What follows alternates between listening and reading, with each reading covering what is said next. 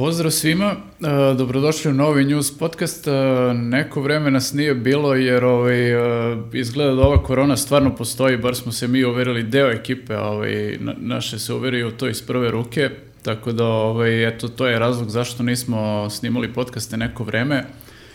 Sad smo se ponovo okupili pred novu godinu da, da ovaj, snimimo ovaj, da kažemo, praznični broj podcasta. Nadamo se naravno da ste vi svi dobro, a i ako niste dobro, ovaj, svakako možete gledati podcast i, i u tom lošem stanju, teško da ovaj, može da vam bude lošije od ovoga, mada ko zna. Za početak, eh, hteli bismo da obradimo jednu temu koja je ovih dana bila prilično onako uh, aktuelna uh, i opet se tiče korone, izgleda da je ovih dana sve vezano za koronu. To je afera, da je tako nazovemo, COVID elita. Uh, verovatno ste ispratili šta se dešavalo da, da su neki ovaj, celebrity, neke poznate ličnosti se okupili na nekoj žurci, to, ok, to bi verovatno ovaj, ako pitate krizni štab bilo sporno, ali još spornije je što su, to je po njih je spornije to što su uh, se pohvalili time na Instagramu. uh, i stavili neke onako prilično nerazumljive hashtagove koji su im se obili o glavu na kraju, pa ovaj, eto možemo sa tim da krenemo. Kako se vama čini ova afera COVID elita? Meni za početak super zvuči to COVID elite, to mi zvuči kao onako neka ono politička akcija, kako uvek imaš te neke nazive, ono, akcija Vihor, akcija ovo, ono, akcija COVID elita, ali meni je zapravo uh, najveći problem što kažeš jeste nastao zbog tog uh, hashtaga COVID elita i uh, to je ja mislim svima nama i većini ljudi delovalo otprilike da oni time hoće da kažu evo mi, mi smo u klabingu, vi ste klošari, mi smo elita, ali mi se čini da je onda objašnjenje koje smo sutradan ili prekosutra dobili od Sanja Marinković, ona beše, ona beše to objasnila, to objašnjenje je još luđe. Jeste, objašnjenje je zapravo da je COVID elita slang za ljude koji su preležali ovaj, Konrada i sad mogu da idu po kafanama bez bojazni da će da se zaraze. Znači ti, znači ti si Što bi značilo, je li da sam i ja uh, COVID elita. Evo kako izgleda ti, COVID ti elita. nisi, da, ti nisi Da. bio tamo. Tebe nisu zvali, vidiš, ti, nisi na toj Viber grupi. Nisam, Da, samo da nisam, napomenem ovaj, za ljude koji eventualno ne znaju, znači desila se ta neka privatna žurka u nekom restoranu uz muzikicu i sve što ide uz to i tu je kao bio neki ograničen broj ljudi, ali taj broj ljudi svakako prevazilazi onaj dozvoljeni broj ljudi i tu su između ostalog bili Sanja Marinković, uh, Minja Miletić i još neki voditelji, tako da... Jel ovi- Vesna Dedić bila tu ili bila na drugoj? Ja na kraju nisam pohvatio. I otišla na drugu žurku. Da, moralo- Vesna, Vesna Dedić je bila u istom restoranu, ali za drugim stolom. Jer nije- I u drugom uh, društvu. I ja uopšte ne znam da li je to bila kao privatna žurka ili su samo došli normalno u restoran. A to je baš elitno mesto, onda baš ono, baš face neke tu dolaze. COVID elitno mesto. Da, da, baš je COVID, COVID eli- elitno mesto. Pa ne znam, ali ta opravdanja su zapravo ono što su kasnije ukopala e, sve i ta neka onako nemušta izvinjenja. Ali najviše ovo što ti kažeš, e, taj hashtag. Ja mislim da nije okačila hashtag COVID elita, da ničega zapravo A, ne bi ni ali, bilo. ruku na srce, osim, znači, ta fotografija ima opis gore i taj hashtag koji je išao dole, a i opis gore je isto bio I dosta opis je bio kontroverzan. proble- problematičan. uh, little party never killed nobody. Um, diskutabilno. Nije baš tako.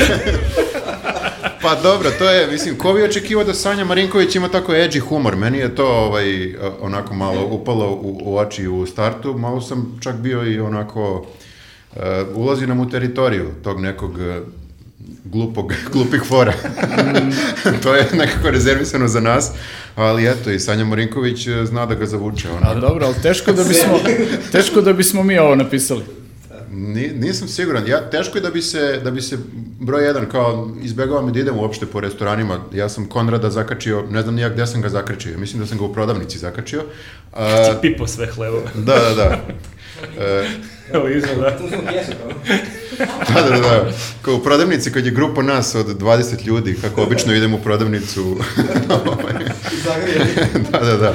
Ali pazi, s te strane ja, ja razumem Sanju Marinković, ona nije navikla da je u malom društvu. U njenoj emisiji već 20 godina uvek ima po devetoro gostiju, tako da ona prosto ne može da funkcioniše ono jedan na jedan, kao ajmo, ne- ajmo ti ja na piće. I ne ne. može da ne okači na Instagram posle šta god da se dešava. Mislim da je i njoj teško sada Ali- da ne bude u centru pažnje. Ja sam isto tome razmišljao, znači kao imaš taj moment, oni su tu, znaju da to baš ne bi trebalo, ali ajde, kao nisu vratno jedini koji odu negde na večeru ili na piće i onda ko imaš taj moment koji ajde se slikamo i ja sad razmišljam šta je bilo u glavi ostalim ljudima kad su se slikali, pretpostavljam da su bili u fazonu, pa dobro, neće događati jer na Instagram nije retardirana.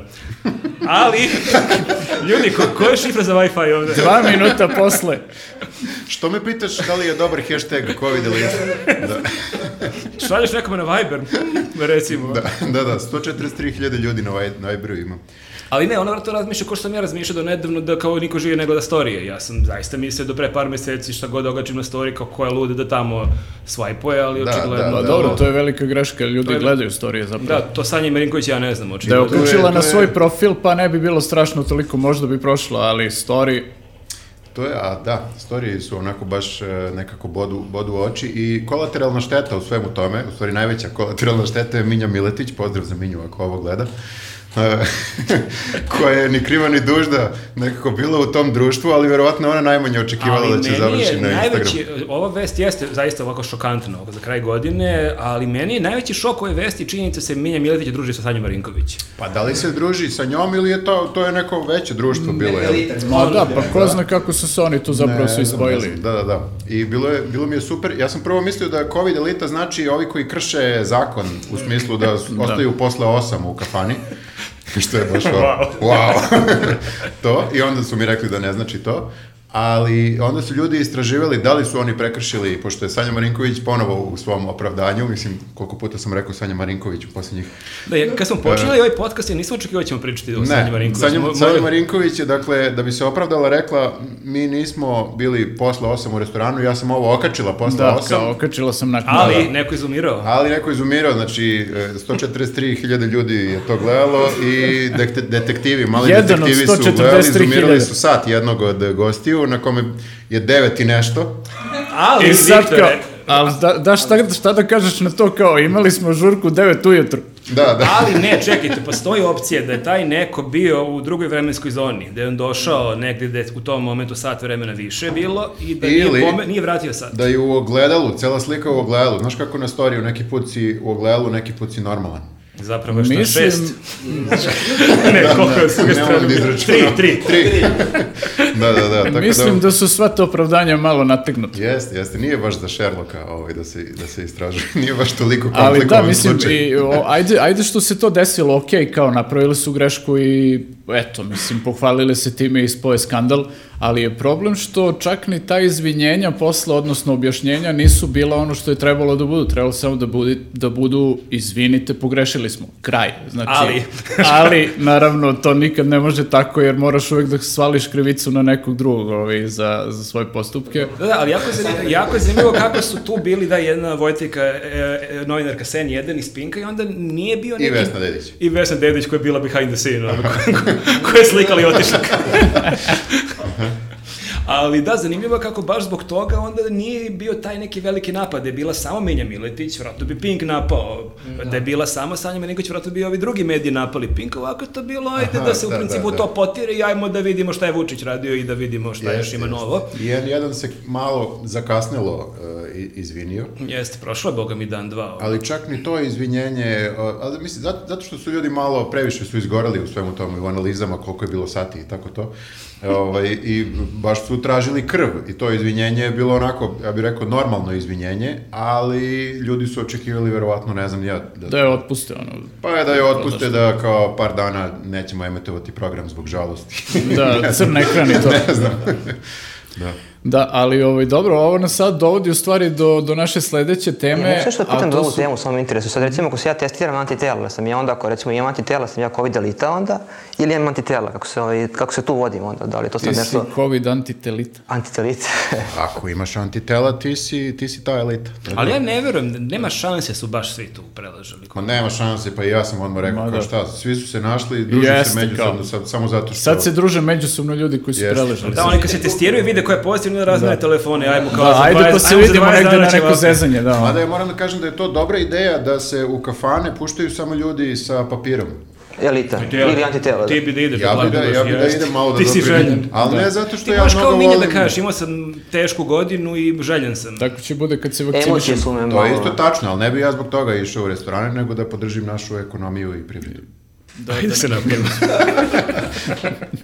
Ova nas zapravo tema dovodi do sledeće teme, a to su ilegalne žurke koje se dešavaju ovaj, po, verovatno po celoj zemlji, ali po Beogradu naročito. I sad oni su naravno mnogo pametniji od ovoga, znači nema fotke na Instagramu i gluposti, nego kao, brate, ono, moraš da prvo kupiš kartu pa da dobiješ lokaciju gde se dešava žurka, a kad dođeš tamo moraš da ovaj, kažeš šifru da bi mogao da uđeš, prilično je onako sve ovaj, go, Šif, gomila... šifra, nisam Sanja Marinković. Da, gomila mera postoji. Jel još me zove Sanja Marinković, da ja bi da rezervišem? Mm, puni smo, puni smo žao. Puni smo, nema mesta više kao... Sanja, vidi gde je Vesna večeras. Aj sledeće godine. Tako da, ovaj, da, dosta je, dosta je kao, mislim, bar se priča tako da je dosta tih žurki po gradu i naročito van grada iznajmljuju se kuće za po ono, par stotina evra ovaj, za noć i partija se...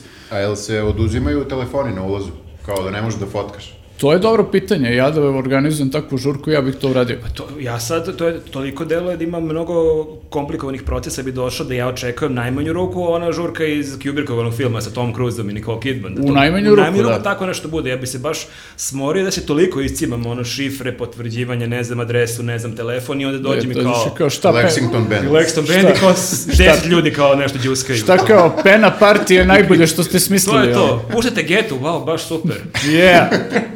Drago mi je da sam se ovoliko iscimo. Nikšić kupivo, jej. Ali točeno. Ali, e, s druge strane, pored, ja ne znam sad, da, da li ono što se desilo dan pre ove COVID elite, to, to je isto recimo, uh, zahvaljujući ovoj fotografiji uh, poznatih ovih naših javnih ličnosti, negde je uh, bačena u drugi plan ona vest od prethodnog dana da u Beogradu postoje, znači, osim tih nekih možda privatnih žurki gde se ulazi ne zna niko nikako, da postoje zaista klubovi koji najnormalnije rade.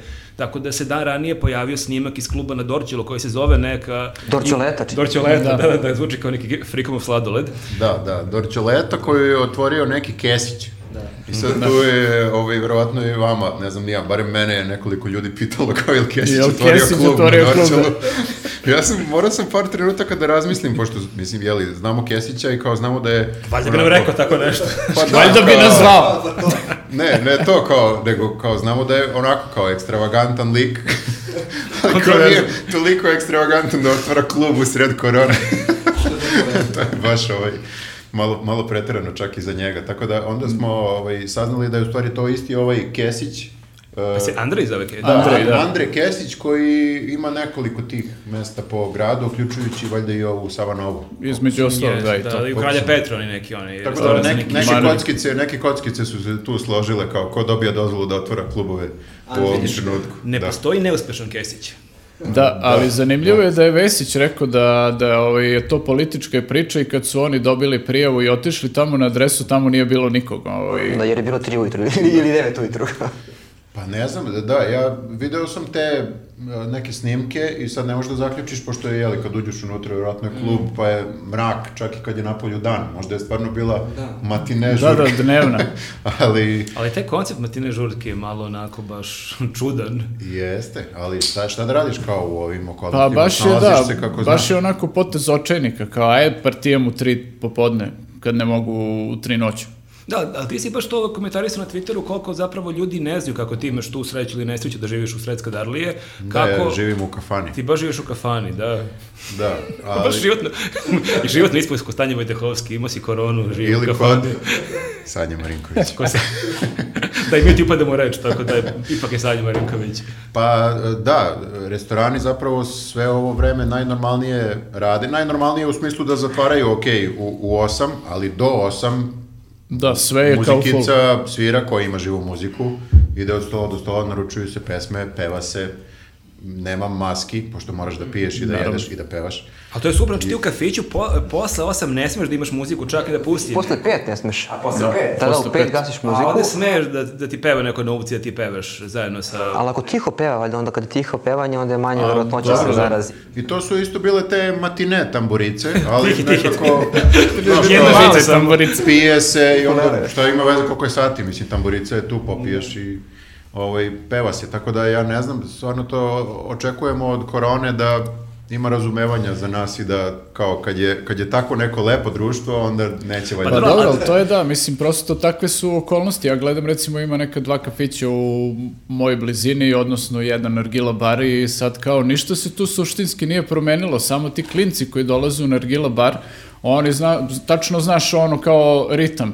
Krenu da se okupljaju, onda krene galama, onda krene muzika neka ludilo i onda na kraju tuča neka i policija i sad sve se to dešava isto, samo se dešava ranije, ono kao par sati i to je to, kao sad se potuku ono u šest uveče i završe i kao idu kući, to je to. A da li do kuće ili idu negde da produže neku... Pa to je pitanje sad, ja pretpostavljam da većina njih ode negde kod nekog na gajbu onda da, da nastavi, ovaj, tako da kapiram da je ta neka, ne- neka varijanta.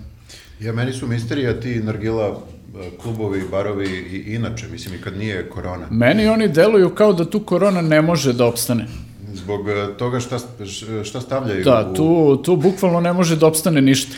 Meni je fenomen, te energile su mi zaista fenomen, kao Turci su bili ovde tipa ono, 400-500 godine i nisu zaživele energile i ljudi odu dve godine u Kušadasi kao evo. E, ali to ne Ljudi- možete, mislim, ja stvarno, meni je to fenomen, taj, taj nargila bar kod mene, jako je mali i tu uđe milijardu klinaca, znači, bukvalno ono s jednim drugima na glavi sede i kad mi prođemo ono tu kroz uličicu pored, to samo vidiš malo su očkrenuta vrata i samo se puši iznutra, ono, izlazi dim, ono, i kao, to je, tako mi deluje sve to nekako štrokavo i, i užasno da kao bukvalno si u fazonu ovde kao nema šanse da se zaraze od bilo čega Da, ono bila kao ona taj priča na početku epidemije kao da tamjan ubija ono virus. moguće da mislim Nargile ubija. moguće ako stavljaju tamljanu nargilu još to je super A dobro, ti, on, oni, ono što se kaže, imaju sve osim korone. Pa da Sledeća tema. Sledeća tema. E, da, bilo je, bilo su dva vrlo zanimljiva gostovanja prošle nedelje. Prvo zanimljivo gostovanje, što je bilo ovako i najavljivano po društvenim mrežama, da Đuka dolazi na N1. Da, da, gostovanje, a nije Vučić. Gostovanje nije Vučić i gostovanje na N1 nekoga ko je iz vladajuće stranke. I mnogi su se pitali, da, bilo je čak o, najava i kako evo sad konačno Đuka je tu za dijalog, dolazi ovi... A kad kažeš najava, nije bila kao neka najava ono, uh, na TV-u, jel? Nego ja sam viđao svađu na Twitteru. Pa ja sam vidio da je Đuka valjda napisao na Twitteru da će gostovati sutra u toliko i toliko sati i onda su ljudi krenuli da napadaju e, Slobog Georgijeva i da komentarišu da li treba Đuka tu da ide i onda je tu bila priča pa evo vreme je za dijalog i Đuka je za dijalog. I onda smo videli da taj dijalog nije baš, baš dijalog. E, jeste, di- dijalog e, se pretvorio u nešto gde je Đuka pokušao da izvede ono što inače naprednjaci izvode kad odu na bilo koju drugu televiziju, a to je da, jeli, kaže ono što ima, pokaže neke Papire neke, da. papire, slike, ne znam nije da li ima neki grafikon ili tako nešto. Međutim, e, da, nije, nije se najbolje pripremio. Ja Postoje dve velike greške koje je Đuka tu napravio. Prva stvar, kad pokazuješ papire na televiziji, moraju da budu sitno odštampano. Znači, Vučić i ranije ono šešelj, to se uvek e, uzmeš i to je sitno odštampano, ne može niko da vidi. Ili kad je krupno odštampano, onda malo odrmusaš Upravo ovako. to, znači, Kao ili je sitno, ruke, jeste, da znači, Đuka je oštampao, ovoliko se vidi naslov i onda drži, drži mirno na ruku, Mhm. tako da je mora malo da protrese ono, jer je zapravo on tu lagao i držao je naslov koji kaže, to je bio tekst sa portala Nova RS, gde kaže da e, korona neće srušiti Vučića. da istraživanje pokazuje Da, istraživanje korona, pokazuje. korona neće srušiti Vučića. Iako je neko to možda verovao, da, neće, ali je Đuk, Đukina verzija bila da piše, da nažalost, oni to pišu sa žaljenjem Da, a da pišu naslovu Da, da, sa da. žaljenjem korona neće srušiti Da, Vučića. a zapravo to nije napisano u naslovu i, Pa ni u ovi- tekstu, i- a ni u tekstu, da, oni su samo izneli taj rezultate tog istraživanja i napisali taj naslov, ali Znači on nije ni čitao to što je oštampo u stvari. ne, ne, ne, on je to interpretirao da oni žale zato što Vučić neće da padne zbog korone i kao samo im je nekako prišio tu kvalifikaciju i onda naravno ova Jelena Obućina koleginica ovaj, prosto to nije htela da pusti i rekla mu je da, da laže u živom programu. Tako da eto, to je za, za nauk e, naprednjacima da e, ako idu na televizije, barem da gledaju da li je živi program ili nije. Ako je živi program, onda obavezno pročitaj šta piše. na- Pročitaj, oštampaj da bude sitnije, tres, I maši, tresi, da, tresi maši ono ruku, papirom. to je mnogo ubedljivije, ali meni je to nekako... To je te neki sledeći nivo bahatosti koji oni imaju, gde on otprilike svesno pokazuje naslov gde vidiš šta piše i on te objašnjava šta zapravo tu piše, iako to, to ne piše. I to je meni nekako To je taj nivo bahatosti kao kad je Vučić pre desetak dana bio na RTS-u, oni veliki prvi duel Vučića sa dvojicom velikih protivnika, profesorom Viskovićem u penziji i Milanom Antonijevićem, gde u jednom momentu o, e, Milan priča nešto i on mu kaže, ne, čekajte, nije tako, sad ću ja da vama objasnim šta ste vi čuli. To je taj neki nivo, sled, neki nivo bahatosti koji, evo vidimo i da Đuka radi, znači ti si nešto čuo, ali on je tu ti objasni šta si čuo, ti si nešto pročitao, ali on će da ti kaže zapravo šta tu piše. Pa dobro, da, ali on, mi smo imali situaciju gde, gde ono, kad je počela pandemija, svi smo čuli čoveka koji kaže da je korona najsmešniji virus na svetu. E, Deset dana posle toga Vučić se breca na novinare i kaže ko je to rekao, kad je to rečeno, to niko nije rekao. Mislim da Vučić ne zna da ga snimaju. Da, pa, pa ili ga baš briga prosto šta priča. Misli da može sve da prođe i prolazimo uglavnom i onda prosto može da, da kaže tako nešto. Tako da to nije čudno uopšte što on dođe pa ti objašnjava šta si ti zapravo. Mislim, lik je pričao svoj kevi koliko je on bio težak kad se rodio, tako da... Da, mislim da je problem je što o, oni nisu navikli da gostaju kod nekih novinara koji će da im postave neko pitanje i Pa tu potpitanje nastane problem, da. Jer to bi prošlo na Pinku bez problema da on gostao kod Carepe, evo ovde šta piše Nova RS, idemo dalje. A... Sarpa bi rekao strašno, znači da li je moguće da ovo pišu, tako da, ono, da, ja, da ja bi vrtela glavom ovako samo. Čak je e, taj, taj isti naslov, e, ja mislim da nije Đuka sam našao to da maše s tim, nego su svi dobili direktivu tih dana da je to ono šta treba da pokažu, odnosno šta treba da izgovore, jer sam video i Vučića na konferenciji za štampu, ali vrlo iskusno, bez e, pokazivanja bilo kakvog naslova, nego samo kaže.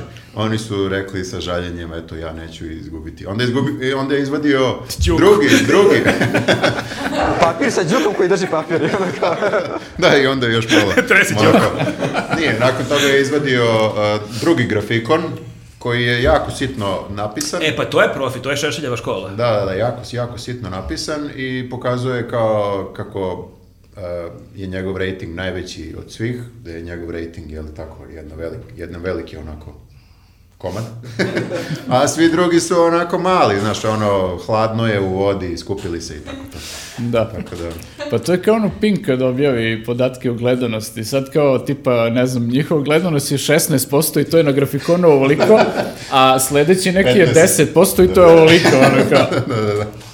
To je bukvalno to. E pa to je, to je iskustvo, ali to je e, isto jedan od, jedan od metoda koji gledamo već koliko sada, ne znam, nemam subjektivni osjećaj, 30 godina, ali ja, e, koliko su na vlasti, 8 godina? Osam godina, da. Da.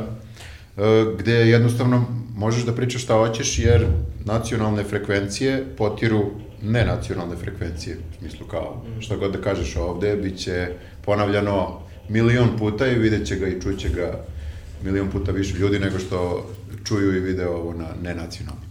Da, svako, Da. ali kad smo da, na nacionalnoj frekvenciji desilo se i zanimljivo gostovanje Dačića u emisiji četvrtkom u devet. Zanimljivo, zanimljivo naziv emisije za početak i tu se desila jedna zanimljiva situacija gde je trebalo da krene reklamni blok i Dačić je mislio da to više ne ide u program i onda je, smo mogli da ovako ekskluzivno čujemo to neko neobavezno ćaskanje E, hoćeš, e, imam sad da rastavimo ovome pa da pričaš o Zorani, o Bajatoviću. Neću, bre, kakvi Neću, pa pretpostavila sam. Ajmo Vašingtonski sporazum i izbori, izbori na Kosovu i izvršam. Đilas ako hoće po meni, to je to. Ja mislim da Đilasa nisam ni spomenuo. Nisi Đilasa Tadića, jesi. Tadića, nisi... Ko je bre Đilas? Pa da šta, da ti kažem jednu stvar. To su bre amateri, ja, što ti ka- Čekaj, izvini, emisija se zove četvrtkom u 9. Da. I ide četvrtkom u 9. Pa da budeš siguran da je Da, to da. baš tada. Da, zna, znamo ko nije to gledao, Sanja Marinković. Pa da čekaj, kad bolje razmislim, ja sam vidio da zove četvrtkom u devet, ali to se desilo juče, juče, ili juče je bio četvrtak, jeste? Ok, Jeste, da. Nisam razotkrio širu misteriju. Da. Mislim da je danas četvrtak. podvalili nam pogrešan termin. Da, da. Četvrtkom u devet koji ide sredom u osam. Ja nemam pojma koji je sada dan. Pa ne znam je nije, da, ja sam mislio da je četvrtak, Da. zapravo danas petak. A kada ovo snimamo, da, ovo će se Ali taj gledati naziv kasnije. mi samo nekako govori da se na RTS-u više ni ne trude. Možda je to i radio isti copywriter koji je smišao ime nedelj, nedeljom u dva. Da samo proda Ljudi, istu foru ljudi, svima. ali-. Da. Imam za 1000 evra jedno dobro ime za vašu novu emisiju. Pa Često je ono najjednostavnije i najbolje. Recimo, plje, pljiž. News podcast. E, ali, ali ovo je na, na RTS-u drugi nivo, sada novi nivo toliko, toga koliko se ne trude, a to je da je neko ostavio uključen, uključene ove reglere i za vreme reklama. To jest, nije pustio reklame na vreme, a ostavio uključene mikrofone tako da se čulo šta pričaju. A zamisli to desilo Vučiću, zamisli kako bi on izdramio da je to napad na njega, neko iz žuti bujke poslao nekog da sabotira njega. Diverzija bi bila, da. Diverzija od Slušajte ljudi što oni rade. svetskih razmera, da, E, da. a meni neverovatno se to stalno dešava Dačiću i ona skrivena kamera i ovo sad, mislim, nekako je magnet za baksus. je Privlači to, očigledno. Da, da, da, ali neće, neće to njemu ništa, ja mislim, nauditi njegovom rejtingu, čak je malo i simpatičniji postao. Pa jeste. Bar nije pevao kao ako ništa drugo. Kada se uzme obzir šta on sve mogo da kaže. Mislim, ja se smrzo pripomisli šta su oni mogli da pričaju. Tu ovo je bilo ovako dosta opušteno, ali mislim da to ne je bio loš koncept emisije, a ti zaista e, sve vreme gledaš ono što oni ne znaju da se emituje, jer neko, tu je mnogo zanimljivija priča. Da, ali kako to izvesti? Da oni ne znaju da se emituje, a da znaju da je kao neka, da non stop ide skrivena kamera. E, da. Da. Pa dobro, to je Balkan Info. tu ni voditelj ni gost nisu svesni da se Daj to snima. Da, u petom Dobro, satu da. padne pažnje i, i tu se kažu najzanimljivije stvari. Bukvalno kažu sve živo. Definitivno. Ali e, meni naj, e, iz ugla Đilasa recimo, da, ko nije gledao, tu su oni pričali otprilike, malo su ćaskali, on to je trajalo možda minut, kao je, sad sledeće te pitamo ovo, pa to onda pitamo ovo drugo, i rekao je nemoj to, rekao pitam te nešto o Bajatoviću, pitam te nešto o Bajatoviću, kao nemoj njega, kao dobro neću, i sad mnogima je to možda kao skandalozno, ali ja mislim da zaista, kako eto i svi smo mi ono išli po nekim emisijama, nije nikakav smak sveta da ti sa Vojtekom pričaš malo je kao prilike šta smo pričali, šta ćemo pričati. Međutim, zanimljivo je tu da je on ovako dosta iskreno na njenu šalu, nisi rekao ništa Đilasu, ovako se vrlo iznervirao i rekao je, ma pusti njega, on, on je amater. E, a da li je rekao on je amater, Da. to je sada, ima dve A, škole dve škola mišljenja. A mislim da se odnosi na, na koga? Mislim da se odnosi na ove koji stalno pominju Đilasa, da su oni amateri. Misliš da, Da, to? meni je tako zvučalo isto. To je, to je sada interpretacija, ne, ne mogu da tvrdim. Ali Đilas je danas imao saopštenje Ne, ne. koja, ma, koja, naravno mater, da je koja on- mater debeli. Naravno, ja Ti je sam materija malo. amater, a? Amater. a ja tebe, mater. Taj Đilasov fight mod je zanimljiv, mada je meni nevjerovatno kako on i dalje, kad se snima nekako to dalje, delo tako jadno. Njega uvek neko snima mobil u nekom vetru i to se uvek trese ka kamere i nikad se ništa ne čuje. Kako je moguće ako on ima 619 miliona da ne može kupiti jedan ovakav mikrofon za ne znam nije. Da uloži bar u Da, mikrofon. dosta jadno to izgleda. Uvek deluje onako beskreno jadno, da to kako tako je on besen viče i ti ga čuješ ono autobus koji prolazi, neki vetar i, i tako nešto. I Ali- uvek se čuje na početku, može. E, da, da, baš onako minimum ulaganja. Minimum ulaganja, što je ovako poražavajuće od najvećeg tekuna kako ga predstavljaju, ali e, da sam ja na njegovom mestu, mene bi to stvarno zabrinulo ako se uzme da je on mislio na Đilasa, jer ti imaš kao mesecima i godinama slušamo te neke pesmice kako je Đilas ovo, Đilas ono, što otprilike ljudi pričaju kad znaju da ih kamera snima, to pričaju u skupštini, pričaju emisijama i ti shvatiš da to deo neke predstave. Ali ovo je zaista autentično, ti Iskreno, zaista vidiš da. da on iskreno to misli i to je onda baš onako je malo heavy, tako da i meni ne čudi što je on došao i rekao pali da, prvu da. kameru koju nađeš, Da, da, da. da snimaj kao- fiksnim. Gde duva vetar, ono, sad snimaj. Gde je najgori kadar ovde? Da, da, svi, sviđalo mu se kad pričaju da ima 619 miliona, to mu je bilo kao, mm, da, ko, kao, ko ima 619, Bog ovo sad bre, kao, ko mater? Da, da, da, pa ne znam, eto, a moglo je da je bukvalno još nekoliko sekundi ostao uključen mikrofon, saznali bismo da li govori o saznali Đilasu ili kontekst. o ovima koji stalno pominju Đilasa, što je meni isto zvučalo da je krenuo u tom pravcu, jer ova ga je pitala, što isto je čudno, nije sa njim na, na vi, nego Na ti, da. nego na ti. Pa je niko nije nije, navidio. ska- da, ali to opet nije neki skandal, to isto ljudi drame, kao oni se sigurno znaju 20 godina, mislim. Ali je opet skandal dogovaranje šta ćeš da pričaš, znaš, jer nema ono kao u fazonu nekog hard talka, a očigledno vidiš da je on tu došao samo da kaže šta Evo ima, Dačić ima- ima hard talka igde. pa mogao bi vrlo lako da bude hard Njemu talk. najveći hard talk bio ona sk- skrivena kamera zapravo. Jeste, To je baš bilo hard.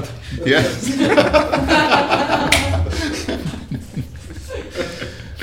Mislim da posle ovoga... to je to. Možemo na sljedeću temu. E, sledeća tema uopšte nije, nije tako e, zabavna kao, kao ove prethodne, zato što je e, prilično morbidna, radi se o, o ponovom muljanju, ne mogu da kažem kriznog štaba, nego muljanju nekoga sa brojevima, Informatičari. Da, opet, opet prokleti informatičari. E, Vest koja nije ni vest čak, čak nego sam ja to video na, na Twitteru i na Twitteru je proletelo onako ispod radara, tako da evo sad... Mora da je baš zanimljiva tema onda. Pa i tema je morbidna. Radi se o tome da se mulja sa brojevima preminulih od, od korone. E, verovatno su svi primetili koji dalje uopšte prati krizni štab i brojeve koje oni iznose, da u posljednje vreme non stop je cifra preminulih između, e sad ovde uh, imam, imam tačno ovako, uh, Kako 50 nešto. između 47 i 52. Znači, uh, poslednjih, ja ne znam koliko ovo dana, 15 dana, uvek je isto, između 47 i 52, gde broj obolelih uh, varira malo, malo više. Ali bez obzira koliki je broj obolelih, uvek je, uvek je ta cifra. I sada opet je, ako se sećate, bilo je kako su dokazivali da oni brojevi od pre nekoliko meseci nisu dobri, a to je da ih propuste kroz, ne znam, nije neki simulator. E, sad, ja pričam kao da se razumem, ali da, simulator Ali brojki koji... Zvučiš jako pametno, moram da Da, priznam. da, da. Um, sad ću da čitam, pa ću da, da deluje još uh, pametnije. Staviš na očare. E, znači, Možda da mašeš grafikonom nekim. E, kreirano je 3 miliona slučajnih realizacija 14-dnevnih nizova brojeva iz Poissonove distribucije sa srednjom vrednjošću 698 kroz 14. To je 698 obolelih, 14 Jel ovo Discovery Channel sad postao? 14 dana, 14 dana, da. I e, šanse da se tako nešto desi su 1 prema 29.000. Ali postoje, znači, ipak. znači šansa postoji. Da. I um, takođe je izračunato da je e, sad, da ne čitam sve ove naučne brojeve, pošto ni meni ne znači, a verujem da su i svi koji nas gledaju glupi kao i ja, tako da ću samo da Mogu da kažem. ubrzim ali YouTube sada. da, da, bukvalno. Um, sad, smešno je, ali uh, je tema vrlo morbidna i doći ćemo do toga zašto je, zašto je morbidna. Uh, raspon je 3,3 u odnosu na to koliki je prikazan broj preminulih do toga koliki je stvaran broj preminulih, znači tri puta više. Svakog dana. Svakog dana tri, tri puta više minimum. A čekaj, je li bilo u nekom trenutku da nisu lagali pre 15 dana, mesec dana ili konstantno to rade? Ovo je praćeno za poslednjih uh, 14 dana, sada zavisi kada ovo gledate, ali možda, možda i više, uh, za period do 28. decembra, tako da pretpostavljam da je i pre toga bilo nekih odstupanja, ali od tog trenutka kreće ova, ovaj raspon od 47 do 50 uh, Ali imali su broja i ono- to je potpuno deluje neverovatno, ali meni je, izvini, sam, sad ću te, e, meni je neverovatno da sada, na primjer, ova vest, čak i na Twitteru što je objavljena, neki mediji bi se uhvatili za to, pa bi istražili, pa bi opet bilo, jel tako, skandal kao pre nekoliko meseci za ono, ali mislim da smo mi potpuno oguglali sada na sve. Tako da to više sad- nije vest. Sad nam je Ne, uopšte nije vest kao koliko, koliko ljudi umire, to, to mi je ono što mi je naj Da, mislim da ljudi više gledaju koliko ljudi je zaraženo, da je to negde vidimo pokazatelj da li pada broj ili ne pada, a ovo broj umrlih misli da zaista više nije u fokusu, što jeste strašno. Jedno vreme je bilo stalno jedna osoba, to je bilo proletos i bilo je, čini mi se, jesenas. Svaki dan jedna osoba umire. Kako je moguće, što radi ovaj drugi ako je na samrti, kao čekaj. Da prođe tri sata pa kao... Čekaj, ajmo. prođe ponoć. Pa to, to, Da. ma, mislim, To je, je bilo... je isto bila računica, još, e, još neki katastrofalniji brojevi su. Jer je, da, tu je duži period bio Da, da. u kojem se to dešavalo. Da, da, još nemogućije Pa to, je to, bilo da to se to. Čekaj, to će kaži da e, naša država laže. Ja hoću kažem da informatičari, znači opet nešto muljaju, ne bi da upirem prstom, ali sigurno su oni, Nema ko drugi. jer kao oni imaju najveći interes da se ne zna. Pa realno da, broj umrlih. Da, Još ako ne plaćaju porez, to je to. Da. da, da. državi. Ali da, eto, oguglali smo na sve, isto tako kao što bio je, jel tako, svi smo nekako navikli da sada, iako umire ogroman broj ljudi, e, nema nikakvog e, lockdowna, nema, nema ničega. Da li strašno kako A se... onda kad je umiralo Da. jedna osoba ili... Pa ne, ne samo to, nego kad je umrla prva osoba ili druga osoba, koliko je to bilo zaista potresno, kako je to zaista... to je baš bilo dramatično. Baš bilo krupan događaj i koliko smo olako prešli iz tog perioda u to, dobro, da li 49 ili 52, Ali nekako sad ti očekuješ da te lažu. Posle ovog svega ti ne veruješ više ničemu, realno. Mislim, ja bar ne verujem tim ciframa nikada više. Pa dobro, da, ali nekako odavno ne verujemo ničemu, ali opet nekako ne možeš sad da se e, isključiš i da kažeš ok, ja ću da živim neki svoj život kada moraš da preživiš ovu koronu nekako, mislim. Da. Tako da ne, ne, ne vredi ti, moraš, moraš da ne veruješ. Pa su kao što imaju ono kao pao je broj obolelih, ali procenat zaraženih i dalje isti, odnosno na broj ispitanih. Tu negde otprilike se kreta oko 30%. Su oni kao stalno pada broj, pada broj, a procenat je dalje isti, tako da ne znam, ovaj... E, video sam e, isto pre neki dan da je Rusija priznala da je muljala sa brojevima, ali njihovo muljanje je baš bilo onako katastrofalno u odnosu na to kolika je Rusija u stvari. Mislim, i jeste bilo malo sumnjivo, ako se sećate u početku kao sve zemlje imaju ne znam ja koliko preminulih i obolelih, Rusija onako Da, ništa. ništa i kao okej, možda je Putin nešto provalio što, što mi ostali nismo kako da zaštiti svoj narod, ali zapravo ne, sad su priznali da su lagali i da Pa- odstupanja su ne znam nija koliko hiljada puta Provalio je da može da laže. kao Turska, to. Turska isto kao se nešto dugo držala u početku jako dobro navodno i kao sad je katastrofa. Pretpostavljam da je isto ta neka varijanta je A, Erdogan. ali zapravo meni nekako uh, koliko god da je to strašno, uh, kad, kad god se Vučić obraća u poslednje vreme, on često ima potrebu da naglasi kako smo mi u, u broju mrtvih bolji od uh, država u regionu. To je meni nekako onako Jezivo baš, nekako, da. baš jezivo onako, uh, da se ti hvališ time, mislim, jer kao šta je sledeće, kao hvalit ćeš se da imamo najmanje silovanja, da imamo najmanje ne znam čega, mislim, prosto Da, ne- postoje neke stvari nisu za takmičenje. Pa da, neke stvari čak i ako jesi, najmanje nekako nije baš da se ti hvališ time nekako i onda ako je zaista ovo tačno, ako zaista se tu prekrivaju podaci, a ako to služi, ne bili smo li se mi hvalili, da smo bolji od Hrvata. Mislim, to, to često kad se poredi, često se je baš pik na Hrvatima. Je Jest. to, odnosno na Makedoniju, Ali- Bugarskom, koga, koga briga realno, ali mi Hrvati, to je taj neki večiti derbi. Ali to nikom normalnom ne bi trebalo da bude utešno. Pa da. Mislim, ja ne znam to, ti ljudi kojima se on obraća kao to njegovo biračko telo, da li je to njima okej, kao čim on to toliko potencira, da li njima okej sad kad čuju, u, bitno je da mi umiremo manje od Hrvata, kao, a nema veze koliko umiramo. Ili to ti onda motiv više ako se razboliš da, Da preživiš. probaš da preživiš, ne bi li pobedili Hrvati, jer ono, Da, i razočarat ćeš Vučića Pa ako do, umreš. kao da, kao da pucaš odlučujući penali kao sve na tebi, ono, znaš, to, to. Kao, izdrži legendu kao da, Da, na, broj kao da nabiješ presiju tim ljudima kao nemoj da nas Hrvati pobede. Da. no pressure, ali ako umreš, Ali- gotov si. Ako umreš, ti si Đilasov. kao, samo da znaš. Imaš uvijek Radiš Đilasa. neku ve, vedru temu Da, ovo je baš e, onako novogodišnji praznik. Tako Uz da rusku se- sal- da se uz rusku salatu malo Da da se malo opustimo, nemam više ovako vedrih tema. E, Eto, ja sam izbacio ovo u nadi da će možda neki mediji da pokupe, pa sad ako me se sete. A dobro, Mislim, nisam ja ovo Bila naravno... si bolestan, nisi otkrio, težak da, period, da. tako da ćete razumeti naši gledalci. Da, da, da, ovo je sa instituta za, za fiziku, jedan e, prijatelj, tako da verujem mu zato što zna ovaj brojeve. Zna to s brojevima. Ali mogu odmah da kažem Marko Dražić je loš čovek. To ulazi sve u podcast. Ne može, ne može. Mm. To su interne fore. to nije- Jer mene ljudi percipiraju baš kao super lik i onda to ne može. Kvariš mi taj brižljivo građani Pravi, imidž. klariš imidž. Prelazimo malo na neke vedrije teme, a to je Skupština. Da, bilo koja tema od ove koje smo sad imali. To je vedrije. tačno, baš nisi neke visoke standarde postavio, ali da, sad Ali u Skupštini je baš vedra tema, baš je jeste. super. Ča, ča, čak malo i previše vedre. Ste sigurni vi koji ste gledali Skupštinu dok ste pripremali Kesića da vam je to vedra tema? A nismo mi gledali ove godine na svu sreću, tako da E, ali malo... slažem se, to ljudi možda nisu svesni koliko je, na šta liči sada Skupština. Ja bih zato volao da malo popričam o tome, ali recimo baš se desilo pre dve nedelje kad smo radili emisiju da smo se podelili ko će da pregledi, presluša i da raspiše koju temu i meni je upala Skupština jer sam se poslednji prijavio. To je neko nepisano pravilo da ko, ko se poslednji javi ostanemo u Skupštini, jer to neće niko da radi. Sad, kako uh, imamo kao napisano otprilike ko je sve govorio i otprilike u dve, tri reči o čemu su pričali i ti dobiješ onako ceo jedan na A4 list i sad razna tu prezimena koje mi ne znače puno jer to sad neke nove mlade nade uglavnom, ali samo vidiš ovako Đilas, Đilas, Đilas, Đilas, Đilas, Đilas, Đilas. Ja mislim da je bukvalno svaka osoba tog dana koja je pričala, o kojoj god, ja ne znam koja tad beše bila tema, nije ni bitno koja je bila tema, to je taj neki ono... Bitcoin.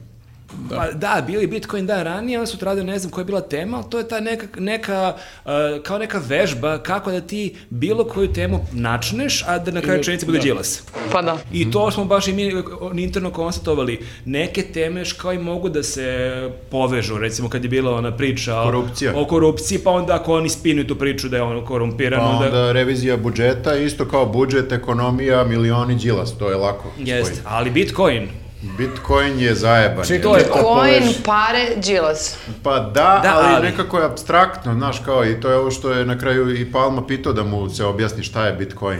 Pa da, ali koliko bilo- košta Koliko paralija košta u Bitcoinu? Gde, gde to mogu da ja sad... Koliko ja dam bitcoina za giros? I kako ja sad u harmoniku Ali ubacim problem Bitcoin? je, problem je da bio im je problem i baš je bilo ono kao trudili su se i baš je bilo nategnuto na momente i baš i mi kad smo gledali te snimke budeš u fazonu dobro čoveč, ovo je baš glupo, mislim ovaj Bakarec je recimo imao, smislio je pesmu uh, o Đilasu i on sad tu priča u toj pesmi ili ovaj, u stvari nije čak ni Ne, pesma, nego pesma. Mhm. pričica, da.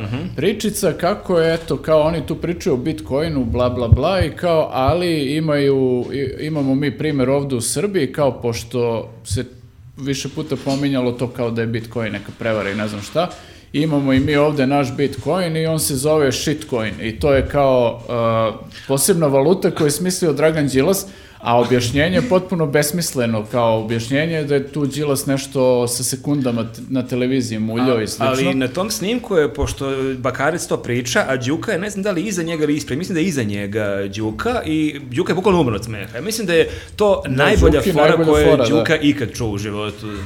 A čekajte, ako poredimo ono, onu rap pesmu i ovu sada pričicu, koje, ja nisam gledala ovo posljednje, ali onaj, onaj rap mi je bio najgora stvar koju sam Ta videla rap pesma je dobra, ali je problem što nema Đilasa ni, ni, e, Da, da. ni jednom stihu, jer ta rap pesma je zapravo nastala 81. druge godine, čini mi se. I onda... Ovo je samo adaptirala sad malo. Da, da, on je samo drugačiji aranžman bio, pa, pa to je onako čudno i neprijetno. To je čudno i neprijetno, ali meni je ipak taj fenomen onaj iz SPS-a i onda nekako oni imaju svoju neku agendu, oni moraju da pevaju, da repuju, to je otprilike... Očigledno su shvatili da nema dovoljno mladih koji vole SPS, da su to ipak njihovi glasači i penzioneri i da onda treba da ih privuku šta mladi vole rep, evo, rep iz 81. godine, ali je meni fenomen e, ovi a, mladi naprednjaci, mislim, to je meni potpuno neverovatno. Prvo što imaš ta dva lika, Kebara i Langar ili Lang- Langura. Langura. Kebara i Langura, to je baš nekako ka- kao neka zebancija, kao nemoguće da Kao postoji... crtać, avanture Pa Kebara jeste, i Langure. Bolek i Bolek, pa da, bukvalno. Pa to je kao serija Siniše Pavića, tako se zovu likovi neki ono, neki muljatori, ono, Čak poslanici, nekako imaju i ono. sličnu konstituciju, čak Da. su nekako deluju ko, ko dva brata i to je meni zaista fenomen. Ima tu još dosta tih nekih mladih nada, ali da, Kebar je ovako osvojio srca publike već. Da, dva brata, jedan se preziva Kebara, jedan Langura. Kako? Braće po materi.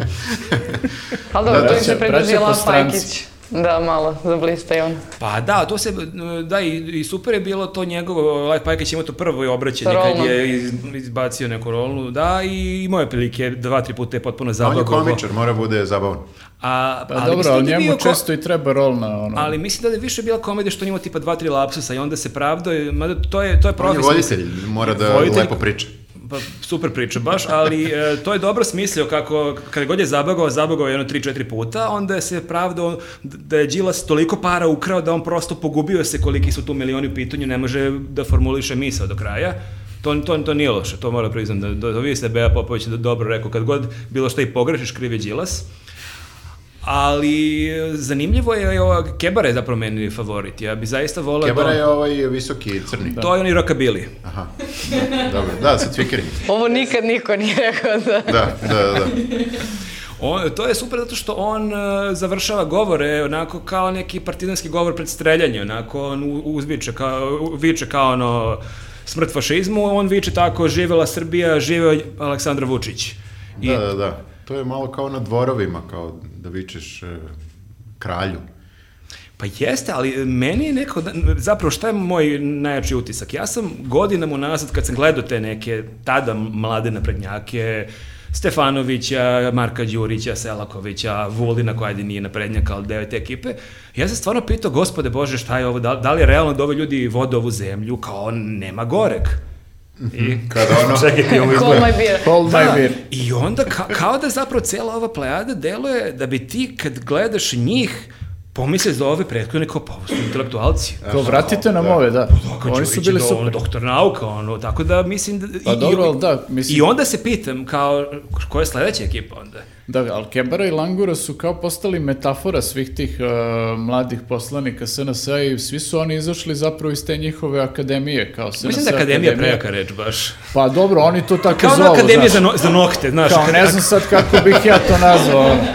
Ali da, jeste malo kao to nabuđeno da tako zvuči kao akademija, ali svima je jasno da je to potpuno sprdnja, ali sad kao, ako ti vidiš da su to likovi koji su najbolji iz te akademije, onda se zapitaš kao kako su, kakvi su oni koji, koji nisu prošli, koji su bili lošiji od ovih. I meni sad se javlja pitanje, e, ok, to je akademija, znači ima neka predavanja, nešto tamo uče, nešto se preslišavaju, kako izgledaju ti ispiti?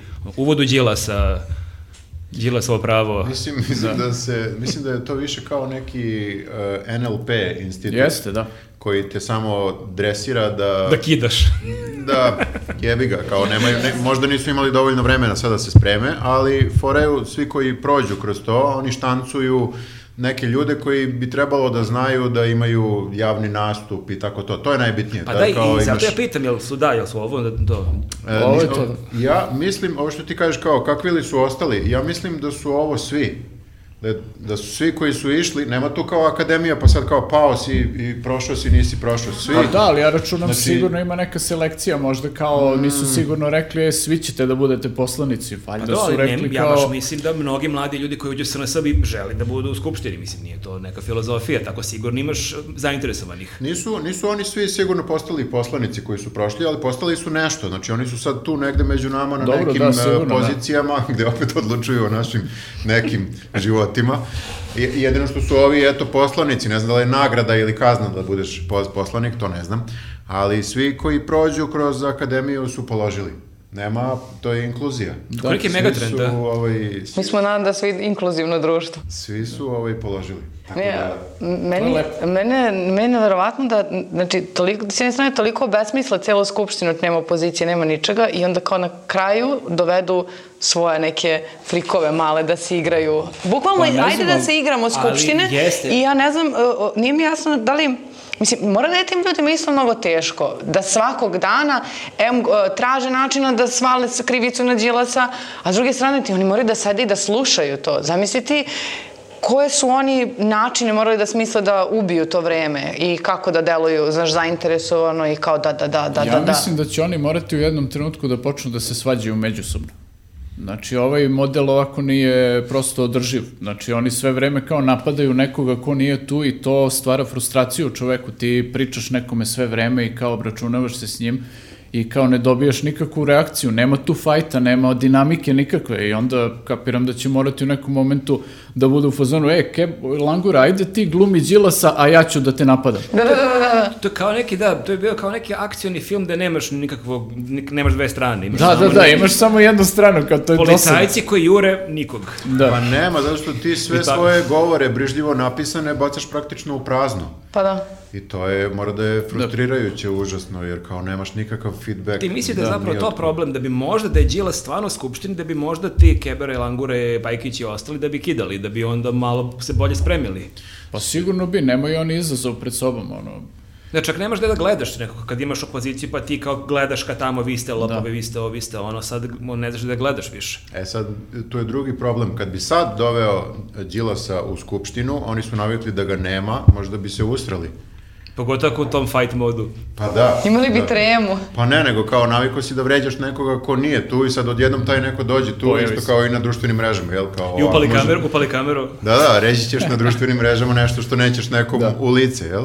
I sad odjednom ti je došao neko tu koga treba da vređaš, kapiram da nije prijatno. Nisu oni navikli na to, oni nisu imali trening kao sa pravim džilasom pa kao, ili sa pravom osobom da je vređaju, nego su odmah došli tu u skupštinu gde samo sipaju To znači kao da na nekog tipa, zamišljenog kao da ideš protivnika. na boks, ali da nemaš sve da ćeš si ikad tući sa nekim, nego tako Ne, jednostrano. uvek. Da, To samo, je- mlatiš vazduh. samo Da, da, da. mlatiš onu vreću sve vreme. I cela karijera, Čak, čak i ni vreću, Čak ni vreću, nego da. mlatiš u Samo prazno. vazduh. cela karijera mla- mlatiš u prazno.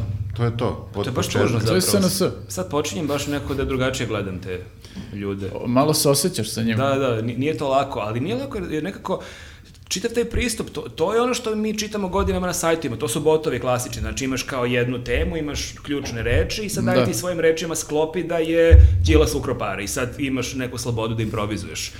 Ali je nekako kad ti napišeš, vratno ti kad pišeš imaš vremena da ti formulišeš neku misl, mada i tad budeš često nepismen, ali je ovo nevjerovatno što ti sad treba da uživo to pričaš tako satima i to da kao da budeš originalni zato ja cenim tog Roka Billy Kebaru što se on trudi da unese neke svoje momente, on se trudi da priča o toaletima, on priče živeo Srbija, živeo Da, da, Vučić, da. on nekako obogati malo to Jest, svojim jest. dosta nemuštim jezikom. To je isto malo problem što malo ne ume da priča, ali neko vidiš da je on srcem stvarno On je tome. to zbog, zbog sebe, jer mu je to jedini nekako kao ventil da malo nešto razmrda to. To je taj krik kebare. Da. A Kebarin da, možda je krik. to ono... je dobro za band. Krik kebare. E, Mene interesuje da stavimo kvote, da li mislite da e, će možda u nekom narednom periodu izmisliti nekog e, dodatnog državnog neprijatelja kako bi malo razmrdali stvari i osvežili teme? U trećoj sezoni se pojavlja Tako drugi je. negativac. Ili će terati, na primjer, Đilasa do, do beskonačnog, ili će možda, mislim, ok, imaju oni ove sad malo teme tipa napadi na novinare, N1 i Nove S. Napadi na Bjelogrlić i napadi na Seko je, Sablić, to, je, to je isto, je. to je isto bilo, to kao da u nekoj ono 50 epizodi aj malo da se osveži pa da uvedemo novog lika. Ali to je kao neki special guest star, razumeš, u sezoni. Nije nešto što će sad da traje... Mada, pazi, malo su, prvo su zaređali sa novinarima, pa su sad zaređali sa glumcima, možda idu tako, možda su sledeći pevači, Sportisti. sportisti. Ma da kod Znaš sportisti? ko je, m, taj moment kada Atlagić e, napada Seku Sablić i citira njen intervju u Ninu, meni prva pomisla bila kao, čekaj, Atlagić čita Nin. Mislim, meni je to ovako bio šok i sad ja zamišljam ono Atlagića koji prilazi trafici da kupi Nin i onda kao krene da crveni, onako da muca, malo mu nepretno. Kao ono kad si klinac pa kao kupaš porno časopis, pa kao ono... Ne znam o čemu pričaš.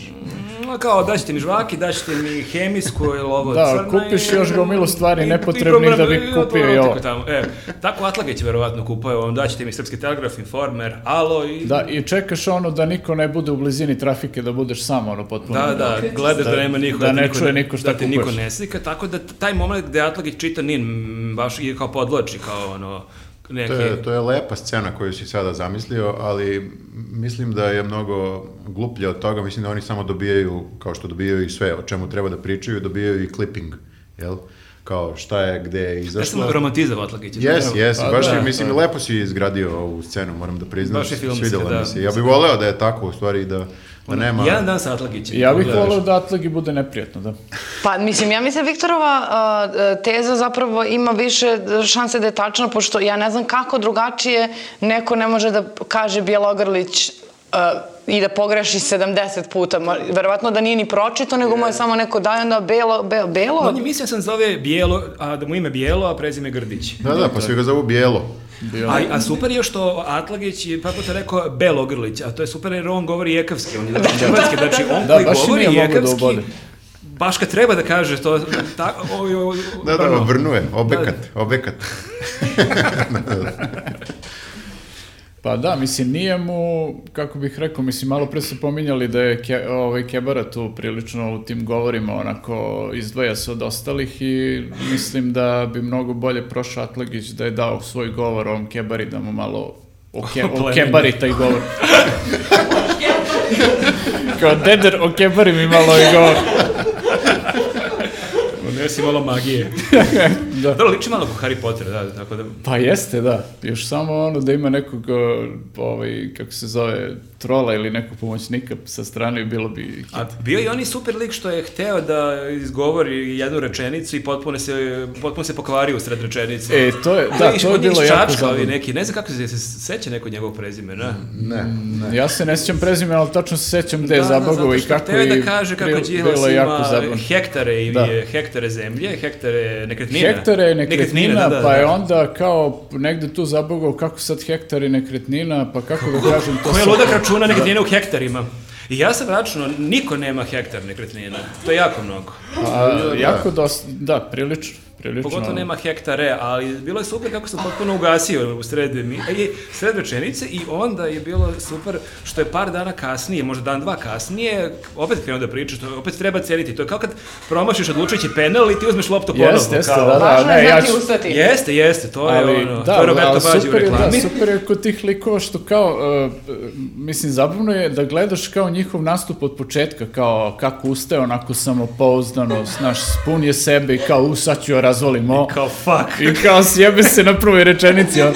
Ko onaj lik što je, ovaj, mislim, bio je taj sa hektarima, bio je onaj što je hteo kao da ispadne malo šmeker, ovaj, tako izgleda kao neki šmeker, kao hteo da ukaže na dan nasilja, bo, borbe protiv nasilja na ženama.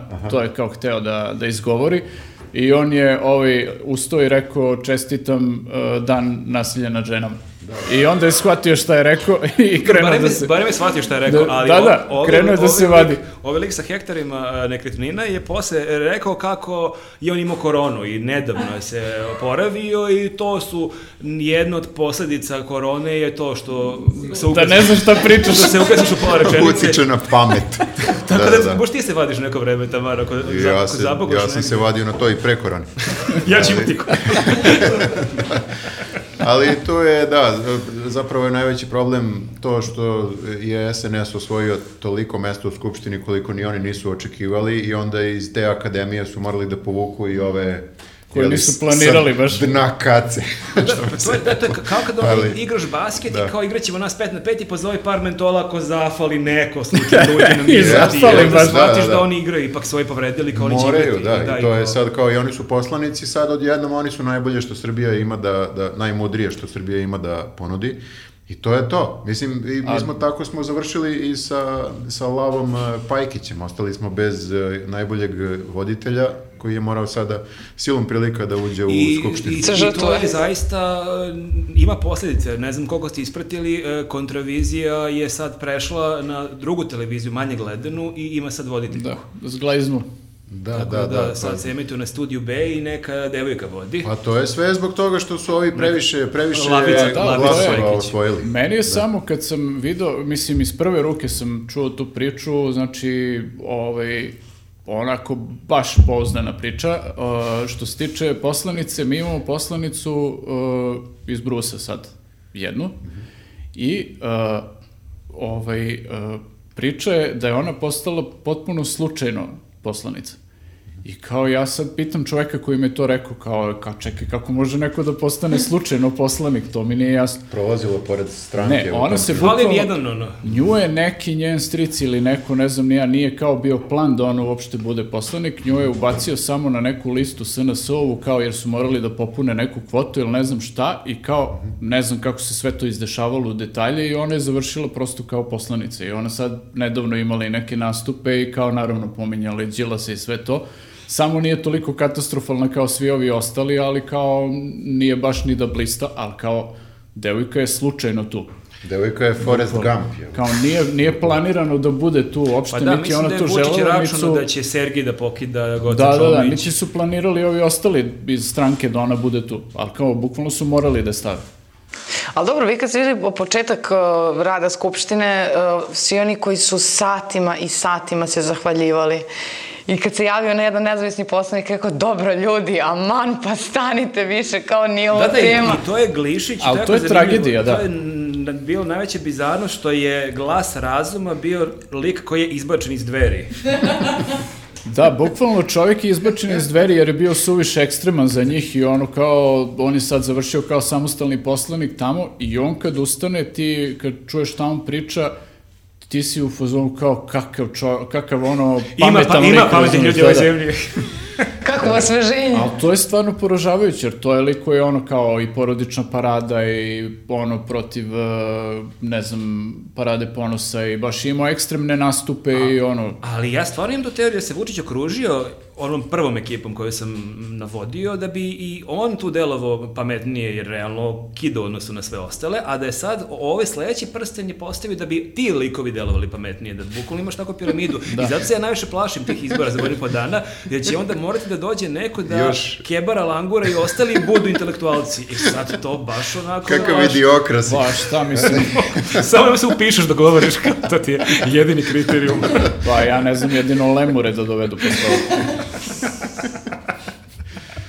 Dobro, jel smo dovoljno pričali o Skupštini, aman, jer da ne postoji Ali grupa dobro, ljudi koji za- više priča o Skupštini od Pa nas. zato što smo mi, ne postoji grupa ljudi koji je toliko gledala Da, Skupštinu oni pričaju o Đilasu, dana. mi o Skupštini. Znaš koliko me interesuje, kolika je gledanost Skupštine, jer ono je negledljivo. Jeste. E, Jeste, baš negledljivo. Da barem oni normalno pričaju. Ok, svako priča o Đilasu, ali da ono, imaš neku harizmu, neku priču, pa kao ok, nego oni bukvalno sriču, sapliću se dok pričaju, ono je baš, baš jezivo nekako. Ja mislim da njih ni rođeni roditelji ne gledaju više na televiziji. Kao, I onda dođe kuće kako sam bio.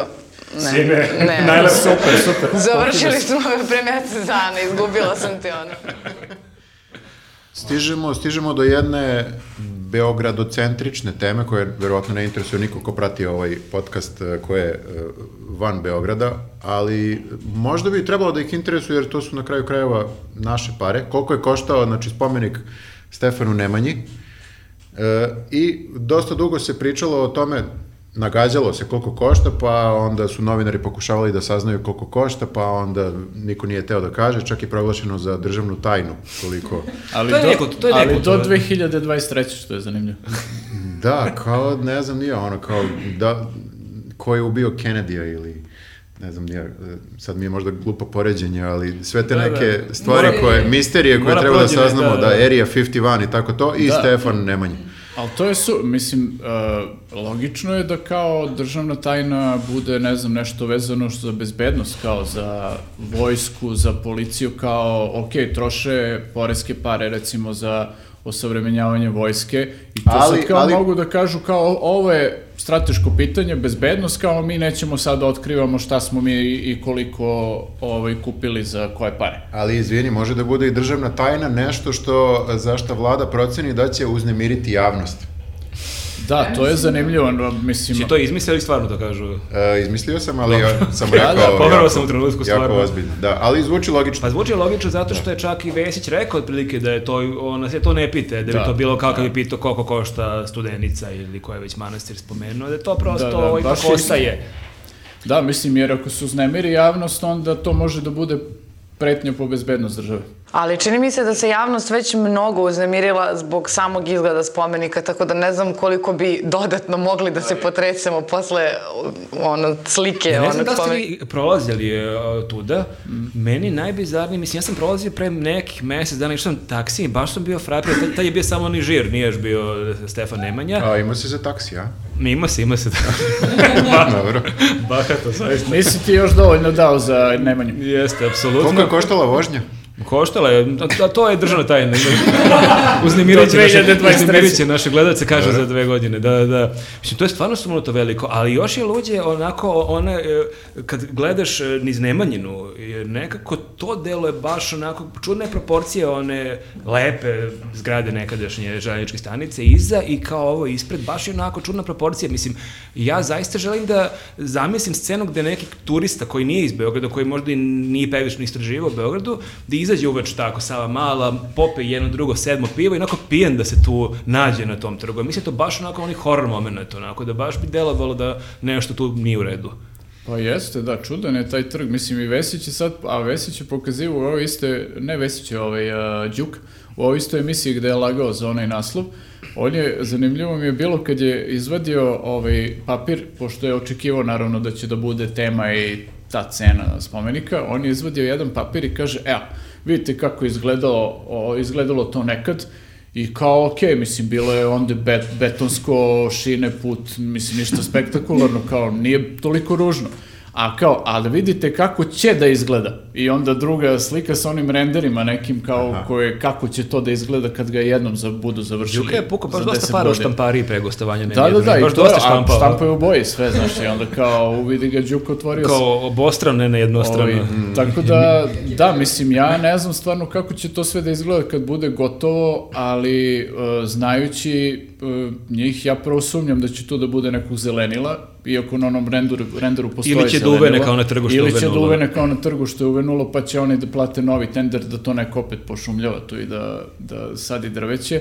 Ili ovaj, će da shvate kao da nema dovoljno zelenila, pa će kao onaj gore e, cvetni trg da razvale ponovo i da radi iz početka sve, tako da... Pa Ja nisam, nisam botaničar, ali po ovome što sam e, video, mi se čini da drvo ne može da uspe u saksiji.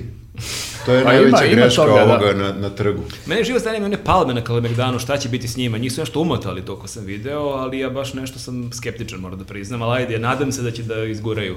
To su neke možda onako zimske palme, u smislu kao da preživljavaju i, opet kažem, nisam Opet si botaničar. dosta izmislio. Nisam botaničar, ali... Možda se jave neki botaničari u komentarima. A siguran sam da postoji neka palma koja može da preživi i ovu Ne, našu može, ali ne klimu, znam, može u Beogradu, može, može na moru možda, ali, ali mene kod ovog spomenika najviše nervira ta neka retorika da ti ako kažeš da taj spomenik stvarno deluje ovako sumanuto i pritom je to neka stvarno estetika 19. veka, nekako stvarno to nije, tako se sad zaista ne prave spomenici i ako pitaš koja je cena, odmah kreće taj napad, pa šta, smetati Ste- Stefan Nemanja, koga bi ti hteo, prvi srpski vladar, nekako kao da ti sad, da nije patriotski, a ti kažeš, okej, nek postoji spomenik Stefanu Nemanji, ne znam kome bi to smetalo, zaista nema razloga da nekome smeta, ali ajde da prvo znamo pošto je i da to ipak liči na nešto, da to ne bude baš neka, neko Skoplje u sred Beograda, što jesu prvi komentari ljudi, i to Skoplje onako još luđe verzije Skoplja. A to je samo zato što je te veličine ili... Ali, pa da, ali pritom kad imaš spomenik te veličine, sumanuto ga staviš u sred trga, to onda da ne bude neka, neki brisani prostor okolo, nekako je jako je tu sve zbijeno za toliki spomenik. Mene zanima, moram da pitam, ali da, zvučim, da ne zvučim ne- kao nepatrijeta, Ko je Stefan Nemanja? A, zanima me koliko bi bilo veliki problem da se on skine posle nekog vremena i da se postavi neki lepši spomenik. Jel bi to bilo...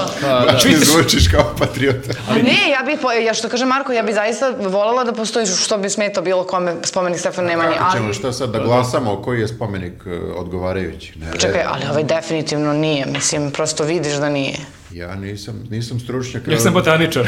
Da, Dra, mislim da je Dražić ovde najpozvaniji, pošto je on istoričar Ja sam umetnosti. umalo završio istoriju umetnosti, tako da to jeste, to jeste estetika koja nije već prisutna već nekih sto i kusur godina, ali ljudi vole, ljudi vole spektakle, ljudi Ja vole, mislim, ne, ne znam, stvarno se ne razumem, meni samo kao da mi neko kaže ovako izgledao Stefan Nemanja, ja sam u fazonu važi, okej. Ja zaista imam teoriju već neko vreme da je kompletna estetika ove vlasti u ovom gradu da se prilagođava deci od 4-5 godina. Jer to sam ja shvatio recimo na primjeru fontane na Slaviji. Znači ta fontana je stvarno onako takve kakve, još one boje kada me, kad, kad menja boje stvarno onako delo je jezivo, ali ja kad god vozim kola, kad, sam, kad vozim svoje čerke, one se oduševe. Tako da... Pa oni gledaju zapravo unapred, znači oni sad kupuju nove glasače, te sad sva ta deca kad porastu, bit će ono kao u fazonu, ja, oni su napravili sve one divne stvari koje nas vezuju za detinstvo, kao podsjećaju, kao glasat ćemo za Tako njih. da mislim da će sigurno i ovaj ogromni Stefan Nemanja biti zanimljiv deci, možda ga budu malo plašila, ali mi to opet, mi ne deluje čak da oni to možda namerno rade, nego da je njihova estetika na nivou dece od 4-5 godina. Da, Pa ali dobro, da, Vesić će ovo sigurno. Ajde da, da sa priče o veličini, da se vratimo na priču o, o ceni. E da, mi nismo na kraju rekli ko- koliko je. To, ali to je isto sada glasina iz nekih kao proverenih, provaljenih izvora, ne znam ni ja. Pa, E, da, to su zapravo ovaj, e, cene sa carine. A, neko je našo, neko je Da. našo fiskalni. Da, da, bukvalno su naši, to su, ajde da kažemo, zvanični podaci, znači e, nije to kao konačna cifra, verovatno koliko je sve to zapravo plaćeno, ali kao sam spomenik e, došli su do tih e, cifara koliko je koji deo tačno košta, odnosno na kojem je iznosu carinjen na carini. I iznos je? Iznos je milijardu dinara, oko milijardu dinara, odnosno oko 9 miliona evra. Pa ja više volim da kažem Ali milijardu milijardi- dinara. milijardica, da. To mi je onako nekako Stefan Nemanja milijarder. Ali, ali opet, teško je reći koja je realna cena spomenika od 100 metara na slobodnom tržištu. E, nije 100 metara. Dobro, sad. nije 100 metara. Hiljadu sad, ajde. Ali mislim da je zato, e, opet, e, oni nas godinama pripremaju na ovo. Imali smo jelko od 83.000 evra, imali smo fontanu na Slavi i celu tu rekonstrukciju Slavi, koliko je bilo? 3-4 miliona, ako se ne ili manje, 2 miliona, ne znam. Nisam siguran za to. Ali bilo je Ali nešto bili su dosta, milioni, tako da. da. možda onda su oni zapravo godinama pripremali teren za to da nama bude kao, pa dobro, ako je ovo koštalo 80.000 evra, ova jelka, koja je malo veća od ove naše, A ovo je koštalo 83 dinara. Da. I nije čak ni skroz jelo. Tako da možda zato su to i, i imali tolike cene da nas pripreme, pa dobro, kao što 9 miliona nije mnogo. Jer koliko košta studenica u evrima? Pa čekaj, hoćeš da kažeš da nam se onda sprema nešto i veće i skuplje? Pa ja bih voleo, mislim, kad su oni već krenuli sa svim ovim stvarima, ja bih voleo stvarno da naprave nešto potpuno sumanuto, ono. Ja bih voleo da su oni sad, na primjer, ovog Stefana Nemanju napravili tipa da bude nešto 700 metara. I znači ono kao prilaziš Beogradu i ništa ne vidiš, ono vidiš kao ovako ravan na, grada na horizontu i samo vidiš nešto štrči ovako iznad. A u njegovom desnom stopalo kafeterija. Mislim, možda staviš, Čisto brate, ono kao, što- možda što da ne. staviš ono ceo Jerković u njegov desno stopalo, stopalo kao li u kafeteriju. Palcu. Da, u Maliću. Win-win gigatron u svakom prstu pa je radnje lepo, tamo se počne lepo skorisnim. Umesto galerije Beograd na vodi, ovog tržnog e, centra, tu je mogao Da, on bude. bi u, bukvalno u nozi bi mogao da bude ceo tržni centar. Da. Ali i za, e, e, šta je pomenuo, Gračanicu, Studenicu, Ne sjećam stačno koje je manastir spomenuo. i za to je zanimljivo što se ne, da- ne zna koja je cena. Da, pa nisu, ni, da, nisu E, došli nijedan do... to tad nije istraživao, Nisu vidiš. došli do podataka sa carine, ono. Ali mislim da je koncept države i vlasti bi trebalo da se malo promeni u odnosu na period od, iz srednjeg Jeste, veka. tad, ja mislim da isto nisu pitali nikoga. Ovaj, I da, i mislim da kao ideja izbora, ideja demokratije, tad nije bila baš toliko razvijena i da možda nije baš idealno da se ti u 2020. godini pozivaš na 13. Nije 14. najbolje vek. poređenje, da, Nije, nije da. baš najbolje poređenje, a pritom stvarno Studenica je zaista spomenik koji je dan danas prelep, mislim manastir koji je stvarno i dan danas divan, a ovi Stefan Nemanja već danas nije takav, a mogu zamislim za 700 godina kako će delovati ljudima. I neko već razmišlja da ga skine. ali, Da kažemo neko vrlo konkretno. ne bi da upirem prstom, ali... Da, ako, ako kažemo da je, da je studenica neprocenjiva, da li možemo da kažemo i za ovaj spomenik da je Ne, neprocenjiv? on je 9 miliona evra. Baš, onako vrlo konkretno. baš je konkretno, da. Mora čak i malo više, ali recimo da... Recimo da se nađemo na 9. Ali zanimljivo je još što je tu ceo taj, mislim moramo da gledamo malo i kontekst, ovaj, ceo taj kraj sad tu, uh, kad bude sve završeno što oni budu nameravali da urede, to će stvarno da izgleda užasno. Jer ti imaš ono, totalno imaš tog uh, Stefana Nemanju koji je kao asocijacija na, neka, na neke vekove unazad, imaš tu uh, železničku stanicu koja isto iz nekog drugog vremena, drugi arhitektonski stil, sve drugačije i onda imaš taj Beograd na vodi koji je potpuno deseta priča Monstrum. To kao nikakvu veze, ne, nema nikakvu vezu ono, smislenu jednu s drugim, samo jedno pored drugog i to je kao sve. I mislim, to je ono, znaš, baš je očigledan primer uh, one teorije ili, ili ovaj, teze, šta je već, eh, da, da je kič kao kič nije sam predmet po sebi, nego je kič odnos između dva predmeta koji ne pripadaju tu jedno drugom. Prosto, to je... To, to ti je pričaš nekako- samo zato što je današnja vlast to podigla, da je podigao Đilas, ti bi rekao ovo je predivno. Ja ne znam šta je s ima dvojica što nas Mislim da ne prozivaju bih. ovako. Ko je pozvao Kebaru kod nas ovdje? Mislim da ne bih. Ali to je, ne, ja rekao sam to zato što je to argument e, Jeste. svih ovih, da e, niko sada od ljudi koji kritikuju ove stvari, e, niko neće da pohvali kad je nešto lepo i da svi kritikuju kad je nešto ružno, samo zato što je ova Jeste, današnja da. vlast to Ali uradila. je kao ono pitanje da li, može, da li treba razdvajati, da li je moguće razdvojiti umetnika i delo. Ono, ako je neki čovjek bio govnar, ako je on dobar pisac, da li to znači da ga treba da ga čitamo. Tako Jeste, da isto i i- ovde pitanje. Ja, ja imam odgovor na to, ovo pitanje, znači već unapred mogu da kažem da bilo šta što ova vlast uradi meni se neće svideti, makoliko da e, možda mi se vizuelno ili estetski čak i svidi, reći ću da je ružno, samo zato što znam koliki su ovo E, a mentoli. ja imam obrnuto neki pristup. Ja e, toliko ništa ne očekujem od ove vlasti da se ja šokiram kad oni urade nešto što je kao normalno. Oni su kao radili fasade negde dole tamo kod Karađorđeve i on e, u, ko, ne znam sad stavim mozak kako se zove ulica, e, ko, ko, od Brankovog mosta što ide ova uzbrdo. Crnogorsk. Da. Brankovo, zapravo, nije bilo toliko teško. Ali, znaš, gledam kao, pa ovo i nije loše i pokušavam da nađem šta ne valja, jer kao nemoguće nešto ne valja. I onda sam shvatio, pa recimo, kada je bilo na vest, kad su uh, spuštali pobednika da ga rekonstruišu, ja sam stvarno iskreno, stoprocentno bi ubeđen će on da padne. Ja sam samo razmišljao, samo da ga ne sruše. Samo da kao, ne ispusti. Nema sile da ga, sruš, da ga spusti da on ne padne. I kao oni su ga spustili i ni, nisu ga srušili, tako da, Da. dosta imam niska očekivanja. I onda Jeste, se baš... jeste, spustio šo- si kriterijum. Baš sam, da, samo da nemojte ga polomite, ajde šta god da radite, samo da ga vratite u onom komadu, pa kao ajde, bože moj.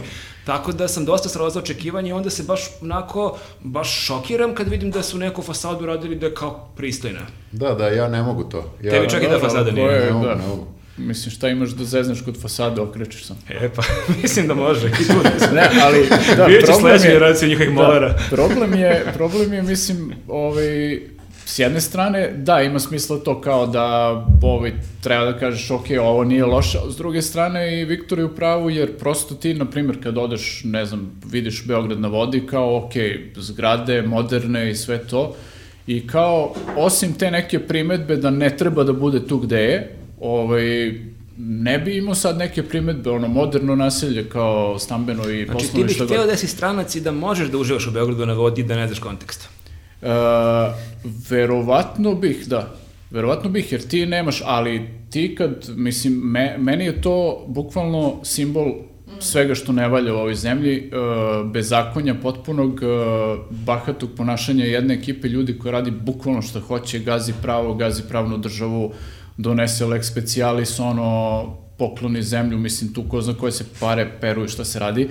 I kao, prosto, estetika je tu potpuno nebitna. Da, Znači, da, meni je, meni je, na primjer, pobednik sada opoganjen. Skrnavili su ga. Da, i plu- plus ga je i Vesić i pomazio i poljubio. to jeste, da su ga, padale kiše, mislim da je sprala. Spralo sve. se. Mora da padne baš dosta kiše, da prođe ovaj, duže vreme da bi nekako ki- zaboravio na... To nije kiša, to pobednik plače. Uf. Kakav lep kraj ove teme. Treba isto da kažemo da još uvek nemamo Vučić i to je ono jedna od stvari koju smo, kad smo radili emisiju svih ovih godina, Kako misliš, nemamo Vučića? Pa nemamo temu o njemu, zato sad treba pričamo o Vučiću, jer ono što smo shvatili tokom svih ovih godina rad e, sa Kesićem, da čim u nekoj emisiji imaš manje Vučića, koliko god da je ta emisija bila zabavna, duhovita, brutalna, odmah krenu komentari, sve ok, ali očigledno vi imate neki deal sa Vučićem, ne smete da ga pomenete. Otupela oštrica. Od Upe Lošica, lako je zezati Dačića i Vulina i ako smete Vučića kao pa pre 7 dana i pre 14 dana i pre 21 Pre dana 21 smo dan. imali, ali da, sad nismo imali jer eto, nije bio na televiziji tih dana, ali evo srećom sad je bio na televiziji. Sad smo ga namerno stavili kao posljednju temu jer nas je smorio. Mm, Pa i to je malo tačno. Jest, da, barem, da, e, dosta smo ga gledali ove godine i kao, ali evo, završavamo sa, sa njim, jel? Možda i ne završavamo. Mada ćemo ljudi će ovo gledati temu. posle na godinu, oni počinju sad novu godinu s Vučićem, to je Jest, malo jest. deprimirajuće. I ne, ne bismo ga ni, verovatno, ni pomenuli ni mi sada, da on nije dao malo gas, ide gas pred novu godinu. Pa svi malo polude pre novu godinu. Malo Da. jači gas. Malo jači gas je dao i e, hoće ponovo da se pokaže kao čovek koji M radi, M stiže sve, M kao narodski čovek. Tako da, M voli sport. M voli sport, voli decu, mislim, nekako onako, baš čovek, ono. Da, on je, on je bio u Zaječaru, e, u Zaječaru je bio, znači, juče, to je četvrtak. Razleteo se po svim televizijama i po svim gradovima. Mislim se onda zato da on opet helikopterom išao, ako sam dobro vidio neku fotografiju, ali ne mogu otvrdim. Na Instagramu je izašla njegova fotografija, naša prelepa Srbija. Da, da, mi smo već konstatovali u prošlom podcastu da ti pratiš njega na Instagramu, tako da, da, on je došao tamo helikopterom.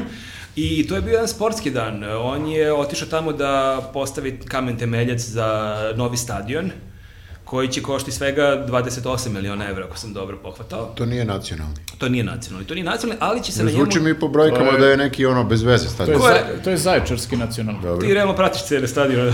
Da, da, da, da, da, ja, ako neko zna o sportu, to sam ja. Pa ja sam pokušao da se prvo setim, uh, od kad ja znam za sebe, da li je Zaječar ikad imao nekog prvoligaški klub i nisam uspeo da se setim, ali dobro, ajde. Pa zato što nisu imali stadion. A mi što tako ide. Pa moraš da imaš stadion. prvo da kupiš patike za trčanje, pa onda odeš da... I, I to je tačno, i to je tačno. A ne bi ni sad imali stadion da nije došao ovaj da stavi kamen temeljac. Tako da. Dobro, ali zašto baš Zaječar? Možda je to stadion za gitarijadu. Da, pošto gitarijada raste iz godine u godinu i sve je bolja i kao sad već moraju da imaju stadion. Treba stadion gde će da nastupa Kerber, A, divlje jagode. to je stadion na kojem neće da nastupi Rage Against the Machine. A da, da, bila i ta vest. Pa možda, ali vidiš, kad bi Vučić doveo Rage Against the Machine, ja bi možda promenio mišljenje o njemu, ali evo da sad nema nikakvih e, Da, najava. pa Ali kad je već bio tamo da postavi taj kamen, zašto da ne obiđe malo i... Da, da, ali meni samo zanimljivo, on je rekao kao da će igrati reprezent- reprezentacija Srbije, što kao ajde imamo logike, vratno, da će neku utakmicu igrati, ali će igrati Zvezda i Partizan. To i mi isto baš, naj, taj deo mi baš nije najjasniji, zašto bi Zvezda i Partizan ako igraju neko, recimo, evropsko, ok, igraće ako Zaječar uđe u prvu ligu, pa kao gostuje Zvezda. Pa kao neka turneja Zvezda i Partizana po Srbiji. A ti mislim da ne pratiš sport, to, to ne ide tako, što je dobro. Pa znam da ne ide tako, ali evo ja sad osmišljavam. Ali što da ne ide, mislim, može. Da, da, da, mislim. Tipa da, igraju Zvezda Milan u Zaječaru. Što da ne. Da, da, da, da, za, zašto da ne? Da, to je bilo zanimljivo, ali da, onda kako je imao taj sportski dan, onda je otišao i do škole. I tamo je opet, pa kako on, to, to smo isto imali ove godine vest kako Vučić sada studira za trenera košarkaškog, onda je išao malo da pokaže svoje znanje, tako da je onda išao i malo dribla. Dribla loptu, onako u delu i Dobio je i patike, izvini. E, to nisam ispratio. E, lepo, lepo. E, nije- Ali malo je bangav je malo, malo je Da. bangav. Pa to su sad dve škole mišljenja. Jeste malo bangav, ali vidi se da je igrao basket, vidi se da zna nešto. Znači, nije baš da nikad nije uzeo loptu, ali je zanimljiva ta njegova potreba da pokaže kako zna da Ključna, ključna reč igrao basket. Znači, kad jednom prestaneš da igraš basket, ne moraš da pokazuješ da si igrao. Ok, kao, ajde, verujemo ti. Ovako deluje samo da si bangav, barem po meni. I još plus u odelu, nekako sve to deluje, ne znam ni ja, da se barem skinuo u dres. To je bilo bar smešno. da. A možda je tajno preležao koronu, pa je korona njega uticala tako da igra bangavu košarku sad. Da, mada e, mislim da bismo čuli da je preležao koronu, jer non stop je na TV-u. Ne bi ga bilo barem, ajde kažemo, 14 dana da je... Pa možda je kao Palma preležao to za koliko, 45 Ne minuta? verujem ja ni Palmi da je, da je preležao. Ali uh, predsjednik je sam rekao da se testira na svakih uh, nekoliko, Sat vremena. nekoliko minuta, tako da valjda bi ot- otkrio da ima koronu, ne bi se... Ne bi mazio onu decu. Pa ja se nadam, ili bi makar nosio masku, pošto koliko sam videla da nije nosio. No. Ne, ajde da nije, ne, ne, nije- nije ni mazio decu, ljubio je decu. Tako da baš... A svi znamo ko je najveći prenosnik korone. Deca. Ili obrnuto, ako si dete, ako već moraš da dobiješ koronu, ipak je mali čas da ti prenese predsjednik, ako on recimo možda u tom trenutku ima, jer možda ne znam. Jel znaš ko te zarazio? Predsjednik. Kako čast. I onda je uh, posle Zaječara, nakon što je tu izdriblao ovaj... Par mališana. Da, Ali izvini, ovo je napredak, on je prošli put zalepio mališana. da, da, da, sad nije bilo bar- tih životnih lekcija. Gde si? Tinke! Verovatno mu je neko rekao kao... Pa, Gde si pošao mali? Ovo nije najbolje za Pusti malo. Da. E, mislim, mislim da je zapalio posle ovoga... Gde je zapalio? Išao je neke cevi da otvara nešto. E, ne, Ili gume cevi, one. cevi, cevi će tek da otvori, to smo... E, pa da, to je bila najava, to ste Jeste, danas rekao. imamo najavu. Posle toga je išao negde sa nekim e, tetkicama je kuvao ručak za nekoga. To je isto stavit Za ćemo, sebe. Stavit ćemo na, na ekran ovdje nekada. Vjerojatno okačio na da Instagram, vidimo vjerojatno. taj naslov, ali to je isto samo pokazatelj toga. Teo je da spoji njegovu ljubav opet i prema hrani i prema... I prema tetkicama. Da ne ispadne da samo on jede na Instagramu, sad je kao, ajde malo ja ću da kuvam na Instagramu. Tako da to je, ja mislim, Da, bilo je super da ono kako je ukrat se gradimo ni delikatesni ponedeljak, kao Vučić kuvu ponedeljak. Da, da, Delikatesni. Vučić. Da, da. Sto, sto dinđi obrok. Ali, e, on stvarno puca na lepog brku da, da mu otme šov čoveče. jeste. Moguće, ali da, već izašla je najava da on već je, zna šta će, mislim, ovo će sad ljudi gledati posle 1. januara, ali evo... Izašla je najava, evo ja ću Da, da, da da, pročitam, poznat. nije mi teško. Hoćeš ti da Evo pročitaš? našla sam. Ajde, da. Poznat predsjednikov prvi radni dan u 2021. godini. Vučić 1. januara rano ujutru A, rano. otvara Balkanski tok. A vidiš tu ima, stavili su kategorija bitno, to je isto zabavno, i ima i podnaslov. Čini su već napunjene. Samo treba neko dođe da pusti to Da u grune. Ali koje je to maltretiranje ljudi oko, oko njega, novinara, znači nije mogo drugi jedan da sačeka. Ne. Mislim, ok, neće da biti nekih žurki, ali da ljudi sede u stanu, ok, malo da pojedu, popiju, malo da duže spavaju, ne, kao on Da, sad će da istima ljude u 8 ujutru da ide tamo da pune cevi. A vidiš kakav je ovaj naslov? Šta, šta ćeš radije da radiš 1. januara, ono, ujutru? Kako ti počne 1. januar, tako ti počne cijela godina, puniš Pa nema sad, e, znaš, zbog korone, verovatno nema onih skijaških skokova i svega i onda ajde bar da gledamo. Turneja četiri cevi. Da. Bukvalno. nema ni to, ja mislim. Pa da- znam, da- nema, znam, zato ćemo ovo. Ali meni je nevjerojatno kako je naslov ovaj poznat predsjednik u prvi radni dan, kao da smo svi živjeli u živi, neizvjesnosti. živi nismo, kao... Kao Ja- šta će biti Ljudi, čoveče? 30 decibra, ne znam šta Vučić radi prvog. Ne mogu ja ovako da planiram, mislim, moram da znam šta on Ja radi. ne mogu veliko neizvestiti u životu, ja hoću da znam neku strukturu da imam u životu. Možda nemamo para levo da jedemo i ne znamo šta ljudi, ćemo on sledeće se nedelje. bukvalno iživljava nad nama, ono. Nemamo ni sekund odmora, ajde što kao moraš da gledaš to što radi u trenutku kad radi, nego sad imaš i najave koje moraš da gledaš. To sam teo da kažem, da, da, više, ja ne znam da li njemu, ne znam da li njemu pada gledanost tih njegovih gostovanja po dva, tri puta nedeljno, ali da, to je sad neka nova ta tendencija na Twitteru, na Instagramu, da kači kao sutra u 19 časova predsjednik na Pinku o tome, tome i tome. Pa nikad ono. dovoljno rejtinga. Ja, Znači, i mora, mene- mora non stop da bude aktivan svuda. Ja, ja mislim da to ima totalni kontraefekat kod, kod ljudi.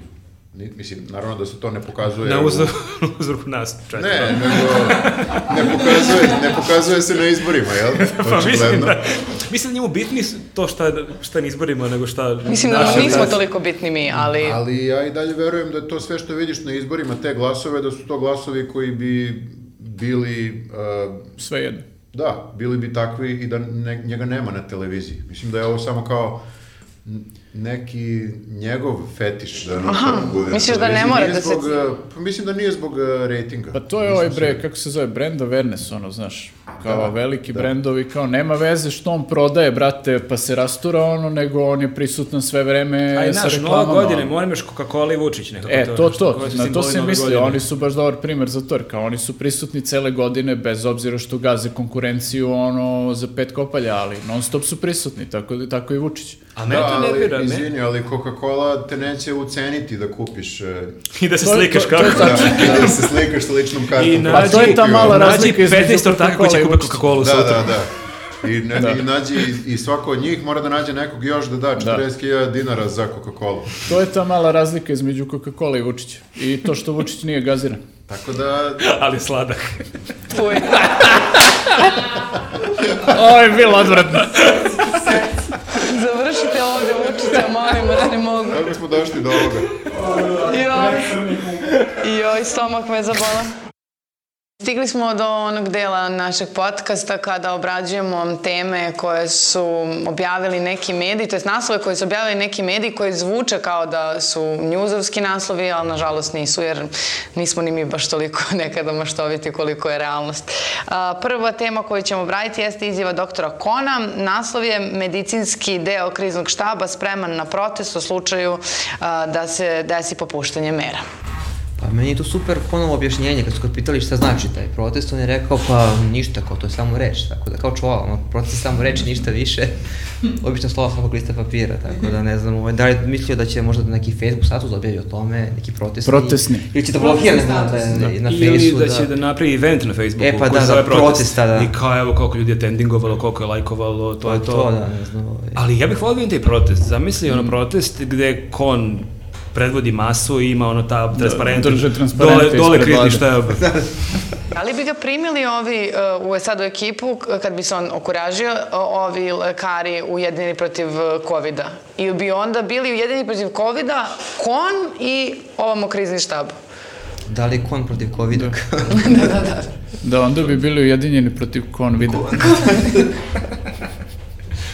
Pa to je bilo zanimljivo koncept. Ja sećam kad je Verbić bio ministar uh, prosvete, da je bio neki protest ispred uh, prosvetnih radnika, ispred ministarstva i da je je on prošao genijalno. njih i nešto pričao, mi ćemo da im pokažemo kako ćemo. Kao, ne, šta, ti si ne, ne, ministar, lično, bukvalno kao. protiv tebe protestuju sada.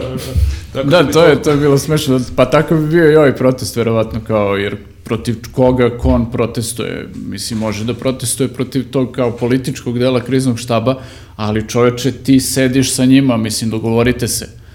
Da, Tako ako imaš neki protest, njima na da. sednici reci, a imaš, ne kao... i- Da, imaš, baš možeš u facu da im protestuješ ako hoćeš. No, no, napiše Facebook, stavlja se onda ih taguje kao da, da, Da, da, vidi. da. In your face, ono. kisićka kao.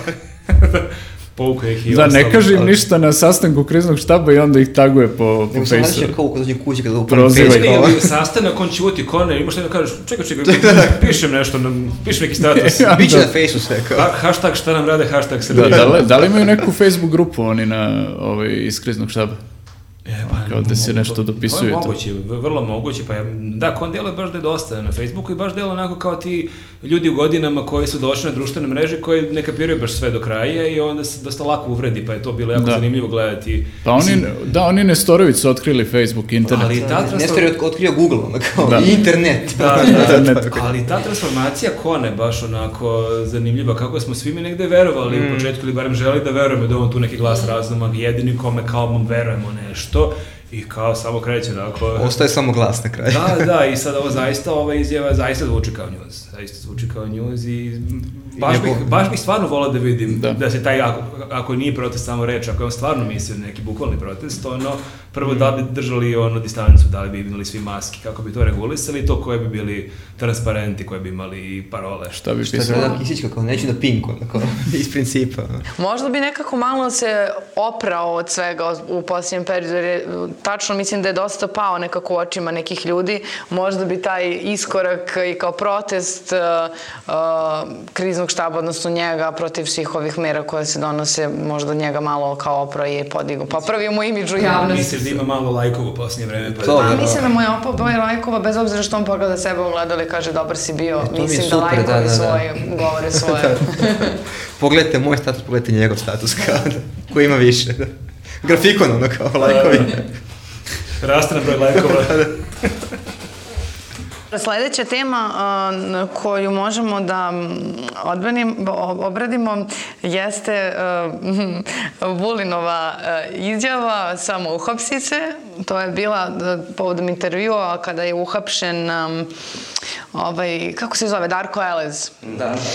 I onda je on e, rekao da svako u suštini od, od policajaca, pošto naravno svi znamo da je odnos, e, odnos policije i ovih e, Kriminalaca. narkodilera kriminalaca veliki, on je rekao kako sad svako, svaki policajac koji šuruje nekako sa narkodilerima i kriminalcima treba prosto sam Da mora da se prijavi. Da mora da se prijavi i da Inače, se samo inače šta? da, da.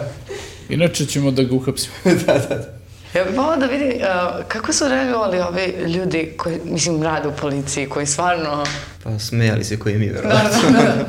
Mislim da nije baš koncept do kraja razradio da mu je to. kao- Ali ja mislim to klasično oni, e, mislim da se to baš zove kao Mad Men Theory, da ti kao uradiš nešto što je toliko sumanuto, ali baš činjenica si ti to uradio, uplaši ovu drugu stranu, jer kao ovo, ovo, ovo je baš, svojim se ne treba zezati. Čim je kao njemu to palo na pamet, on nije baš lik s kojim želi da se gađa. Mad Men sigurno jeste. Kao, u, nemoj se zazdaš s Pa, njim. otprilike tako Kao da nekako. jeste.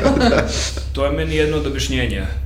Ali dobro, mislim, zanimljiva je ta rokada i zanimljivo je to kako se on sad nalazi u toj nekoj ulozi. I, mislim, meni je bilo zanimljivo i, i ovo u Novom pazaru kad se desile neka ubistva i neka pucnjeve, kad je on napravio otprilike policijsku paradu dan kasnije. Ne znam, Da, ste poslali su žandarmeriju Da, trebalo kao da vide ko, koje su to dva klana, da pohapse kako treba da se, uhap, da se uhapsi ali zapravo smo imali paradu od nekih ono 40 vozila žandarmerije sa rotacijom i kao to je to, evo kao to, to kod mene.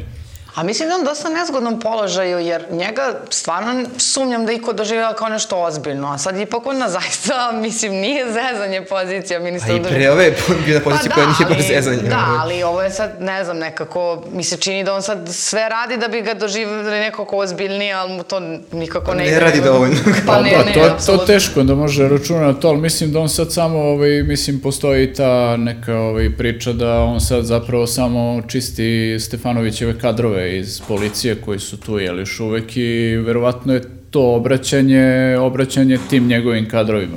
A da, opet imaš i taj moment e, postavljanja standarda, ako je Stefanović bio godinama na toj funkciji, nije ni on sad ne znam ono kakav Elliot Ness bio, mislim, i kad gledaš, kako smo njega gledali, sećamo svih onih njegovih videa, ono, kako trenira, kako udara onu gumu i mislim šta je sve već radio, i te neke njegove prve izjave, ono kako Vučić zagrli, mislim, on je baš onako, baš je zvučao kao što zvučao ovaj Kebar i Langore na početku, nekako baš ima taj neki odnos. i Kebarasto malo kao. Da, Rokabili. Delo je malo kebarast, ali ali nije bilo rokabili. Tako da, tako da mislim da i Vulinu tu nije toliko to teško, jer kao da, nije sad da imaš ne znam kakvu gramadu koja je to bila pre njega. Pa da, mora da, ali mora svejedno da donese nešto novo, neki drugačiji pristup, kao da, da baš ostavi novo. svoj pečat, ali da, ovo je baš novo. Baš On niko je, nije još imao kao ideju, kao, sami se prijavite, molim vas. da, pa to bi baš bio ovaj, onda lak posao policije, mislim, prosto ako neko sam uradi sve ono što bi ti trebalo da uradiš, Pa možda je ono fazonu, pošto smo je mandat godinu i po dana, pa kao ajde, kao sami se prijavite, ne cijenimo, nemamo dovoljno vremena, vi se prijavite, pa kada dođe... Umanjit ćemo vam kaznu ako se Pa, budete... to, Da, to je kao oni Možda, saobraćaj da. prekršaj to, kad ti odeš Pa, i priđeš pola, da, da. i nagodiš se nešto, da, da. A možda je ovo bilo samo način da im pošle poruku kao znamo ko ste, bolje se sami prijavite. Ili Nego... ne znamo ko ste, prijavite se, molim vas, kao nema Pa da, evidencije. ili to je, da. Da, možda je to samo bio blef, kao da oni pomisle da on zna, pa da se oni prijave. Da, to je bilo dobar blef, da svaki građanin dobije to poruku od MUPA, znamo šta radiš, bolje se sam prijavi. Prijavi se pola sigurno- države za sigurno nešto. Bi se, Kebara već ovako. sigurno bi se neko prijavio, realno bi neko naseo. Sledeća uh, tema. Uh, Martinović odlučuje o etici poslanika. Treba usvojiti etički kodeks o ponašanju poslanika i uh, predstavnik uh, će biti Aleksandar Martinović. Šta je sledeće, Kebara je, on se bavi dikcijom poslanika. Kako ti voliš to Kebara? Vo, volim, jako, volim baš I javnim nastupima. Meni je njega žao malo. Mislim, Kebara, ne Martinović. On mi, šta je ono, Đuka se bavi ono navijačima, ono, Da. protiv bakljade i svega, ali da, Martinović je tu baš ovako od svih ljudi, Baš on i etika nekako ne može da ih spojiš nikako u jednoj rečenici, a da bude gramatički pravilno. a možda To je baš zato, baš zato što znaju da se bavi time samo kako ne treba, pa onda zna da prepozna, ono. A to da, da loše primere da, Pa da, da. da ukaže. Pa to je da, to je ono kao kad unajmiš uh, u policiji, evo, da se vratim na policiju, kad unajmiš nekog ono lopova da ti odaje forice kako lopovi rade, pa da ih Da, lakše da, da, uhapsiš. catch me if you can, ono, Da, da, da, da, da. sad Da. radi za policiju. Možda je to da. taj rezon, da. Ispao sam neetički magarac, ali sad znam kako treba. Ja sam sad zapravo uporedio Leonardo DiCaprio iz tog filma sa... Da, to je baš onako prilično udaljeno poređenje. Da, da, možda sam mogu naći neko bolje poređenje. Gledam sad samo kad je izašla o, ova vez, znači 2. decembra, kad je bilo ono vređanje a, Aleksandre Pilje beše u skupštini koje... To je bilo pre toga. Da, kad je on ju odbranio, je sad ne znam, kad je rekao A da... tad nije bio taj odbor još uvek, pa je onda... A, da, da, da. da, e, Do tad su da. mogli da rade što god, a sad, ne, ne, sad će već ne se može. jako ozbilje. sad će potpuno Kao što drugi. će kriminalci se jako sad predaju. Pa da, sad od apela, prvog, tako će poslanici da se mnogo unormale Da. zbog Sad od Martinovića. prvog okreću novi list, ono, nove odluke u novoj godini i bit će super I bit će skupština. onda o gospodinu Đilasu, ne samo o Đilasu. Imamo još jednu vest. Naime, ministar, ministarka Jadranka Joksimović eh, je u Skupštini rekla da ne želi da je oslavljavaju sa gospođa ministarka, nego samo ona je ministar. I to je onako bilo, ona rekla da je to bio jedan mizogeni nastup. Ali meni je bolje još njeno objašnjenje što je po njenoj teoriji ministarka je žena ministra. da. Da, da, da. I onda se ja pitam, a ka- kako se sad, ako je ona ministar, kako se zove onda, ne znam da li udata, ali ako je udata, kako se onda zove njen muž? Da, to je dosta komplikovano. Ali, Ona je želela malo da se, ona je želela tu malo da se prikaže kao ona je tu načitana kulturna žena, pa je pomenula da ja nisam Nušićevski lik, gospođa ministarka, međutim malo se nekako zeznula u svemu tome, možda nije, možda je odavno pročitala gospođa. Ovo je prva izjava, pa ovaj, To baš prva pa glupak. Da, to baš nije uvreda, mislim, baš se žene u mnogim profesijama bore da u ženskom rodu da ih oslovljavaju, tako da je ovo vrlo čudno da je nju toliko vredilo da joj kažem, mislim, ministarka. Da, ja sam, mislim, pre nego što sam počela s njima, meni je bilo, kao, da sam ja tu nešto propustila, jer uvek su baš želele i to, uslovljavate sa ženskim. U ženskom ono. rodu da- da bude, A ovaj. Ovo je Ne, propustila je ona, nije čitala Nušića na vreme, tako da... To često budu neke debate kao zašto je sutkinja, zašto je ovo, zašto je ono, ali mislim, meni kod tih rasprava najviše smeta to kad neka žena krene da napada i kad kaže ja nisam to, ja sam on advokat, ja nisam, ili ne znam, ja sam sudija. Tako da je to opet sumalo, to kao kako su neka pro, neke profesije ono, lako ono, da ih prihvatimo, ono, pogotovo iz škole, ono, hemičarka, biologičarka, matematičarka, kao nemaš nikakav problem s tim, a kao sad ne može neka druga zanimanja, to ne, nema šanse da se u ženskom rodu kaže. Pa da, pritom mi imamo i ženu premijerku, mislim, i sve vreme premijerka Ana Brnović nikad nije bilo, mislim, pro, problema. Zato što nema muža možda, pa nije... Da, da, ali ne, ovo meni zaista objašnjenje zaista kao, kao ok, kako se onda zove tvoj muž ako si ti ministar, ako je ministarka žena ministra. Mislim, dosta je skomplikovalo to. Da, mislim da je Pa bolje da jeste, sve da. da se uporede sa ožalošćenom porodicom Nušićevom pre nego... Ne, ona je, ovaj, da, Definitivno. dotakla se ona, ono, pravog problema, ali na pogrešan način. Nemamo više. Opa, nije. Nemamo više, to je to, došli smo do kraja. Mi smo već na kraju. Pa ništa, možemo samo da obećamo da nećemo imati pauzu nadamo se barem da neće biti opet neke više sile, da nećemo imati pauzu opet dva meseca, da ćemo se vidjeti nešto ranije i da kažemo da nas ljudi, osim što mogu da nas gledaju na YouTube-u, da mogu da nas prate i na Spotify, i na Deezeru, i na Apple-u, što bismo rekli, tako da pratite nas, subscribeujte se. Da, pišite nam, u komen, pišite nam u komentarima e, teme koje su vam možda zanimljive, koje biste voljeli da obradimo u sledećem podcastu i naravno... Ti čitaš komentare, stvarno? Da li čitam komentare? Nema Sve komentare to. čita redom. Da, i, šerujte nas, lajkujte nas, subscribeujte se i pite dosta vode, pretpostavljam da ste mamurni. I čuvajte se. Vidimo se, ćao. Ćao. Ćao.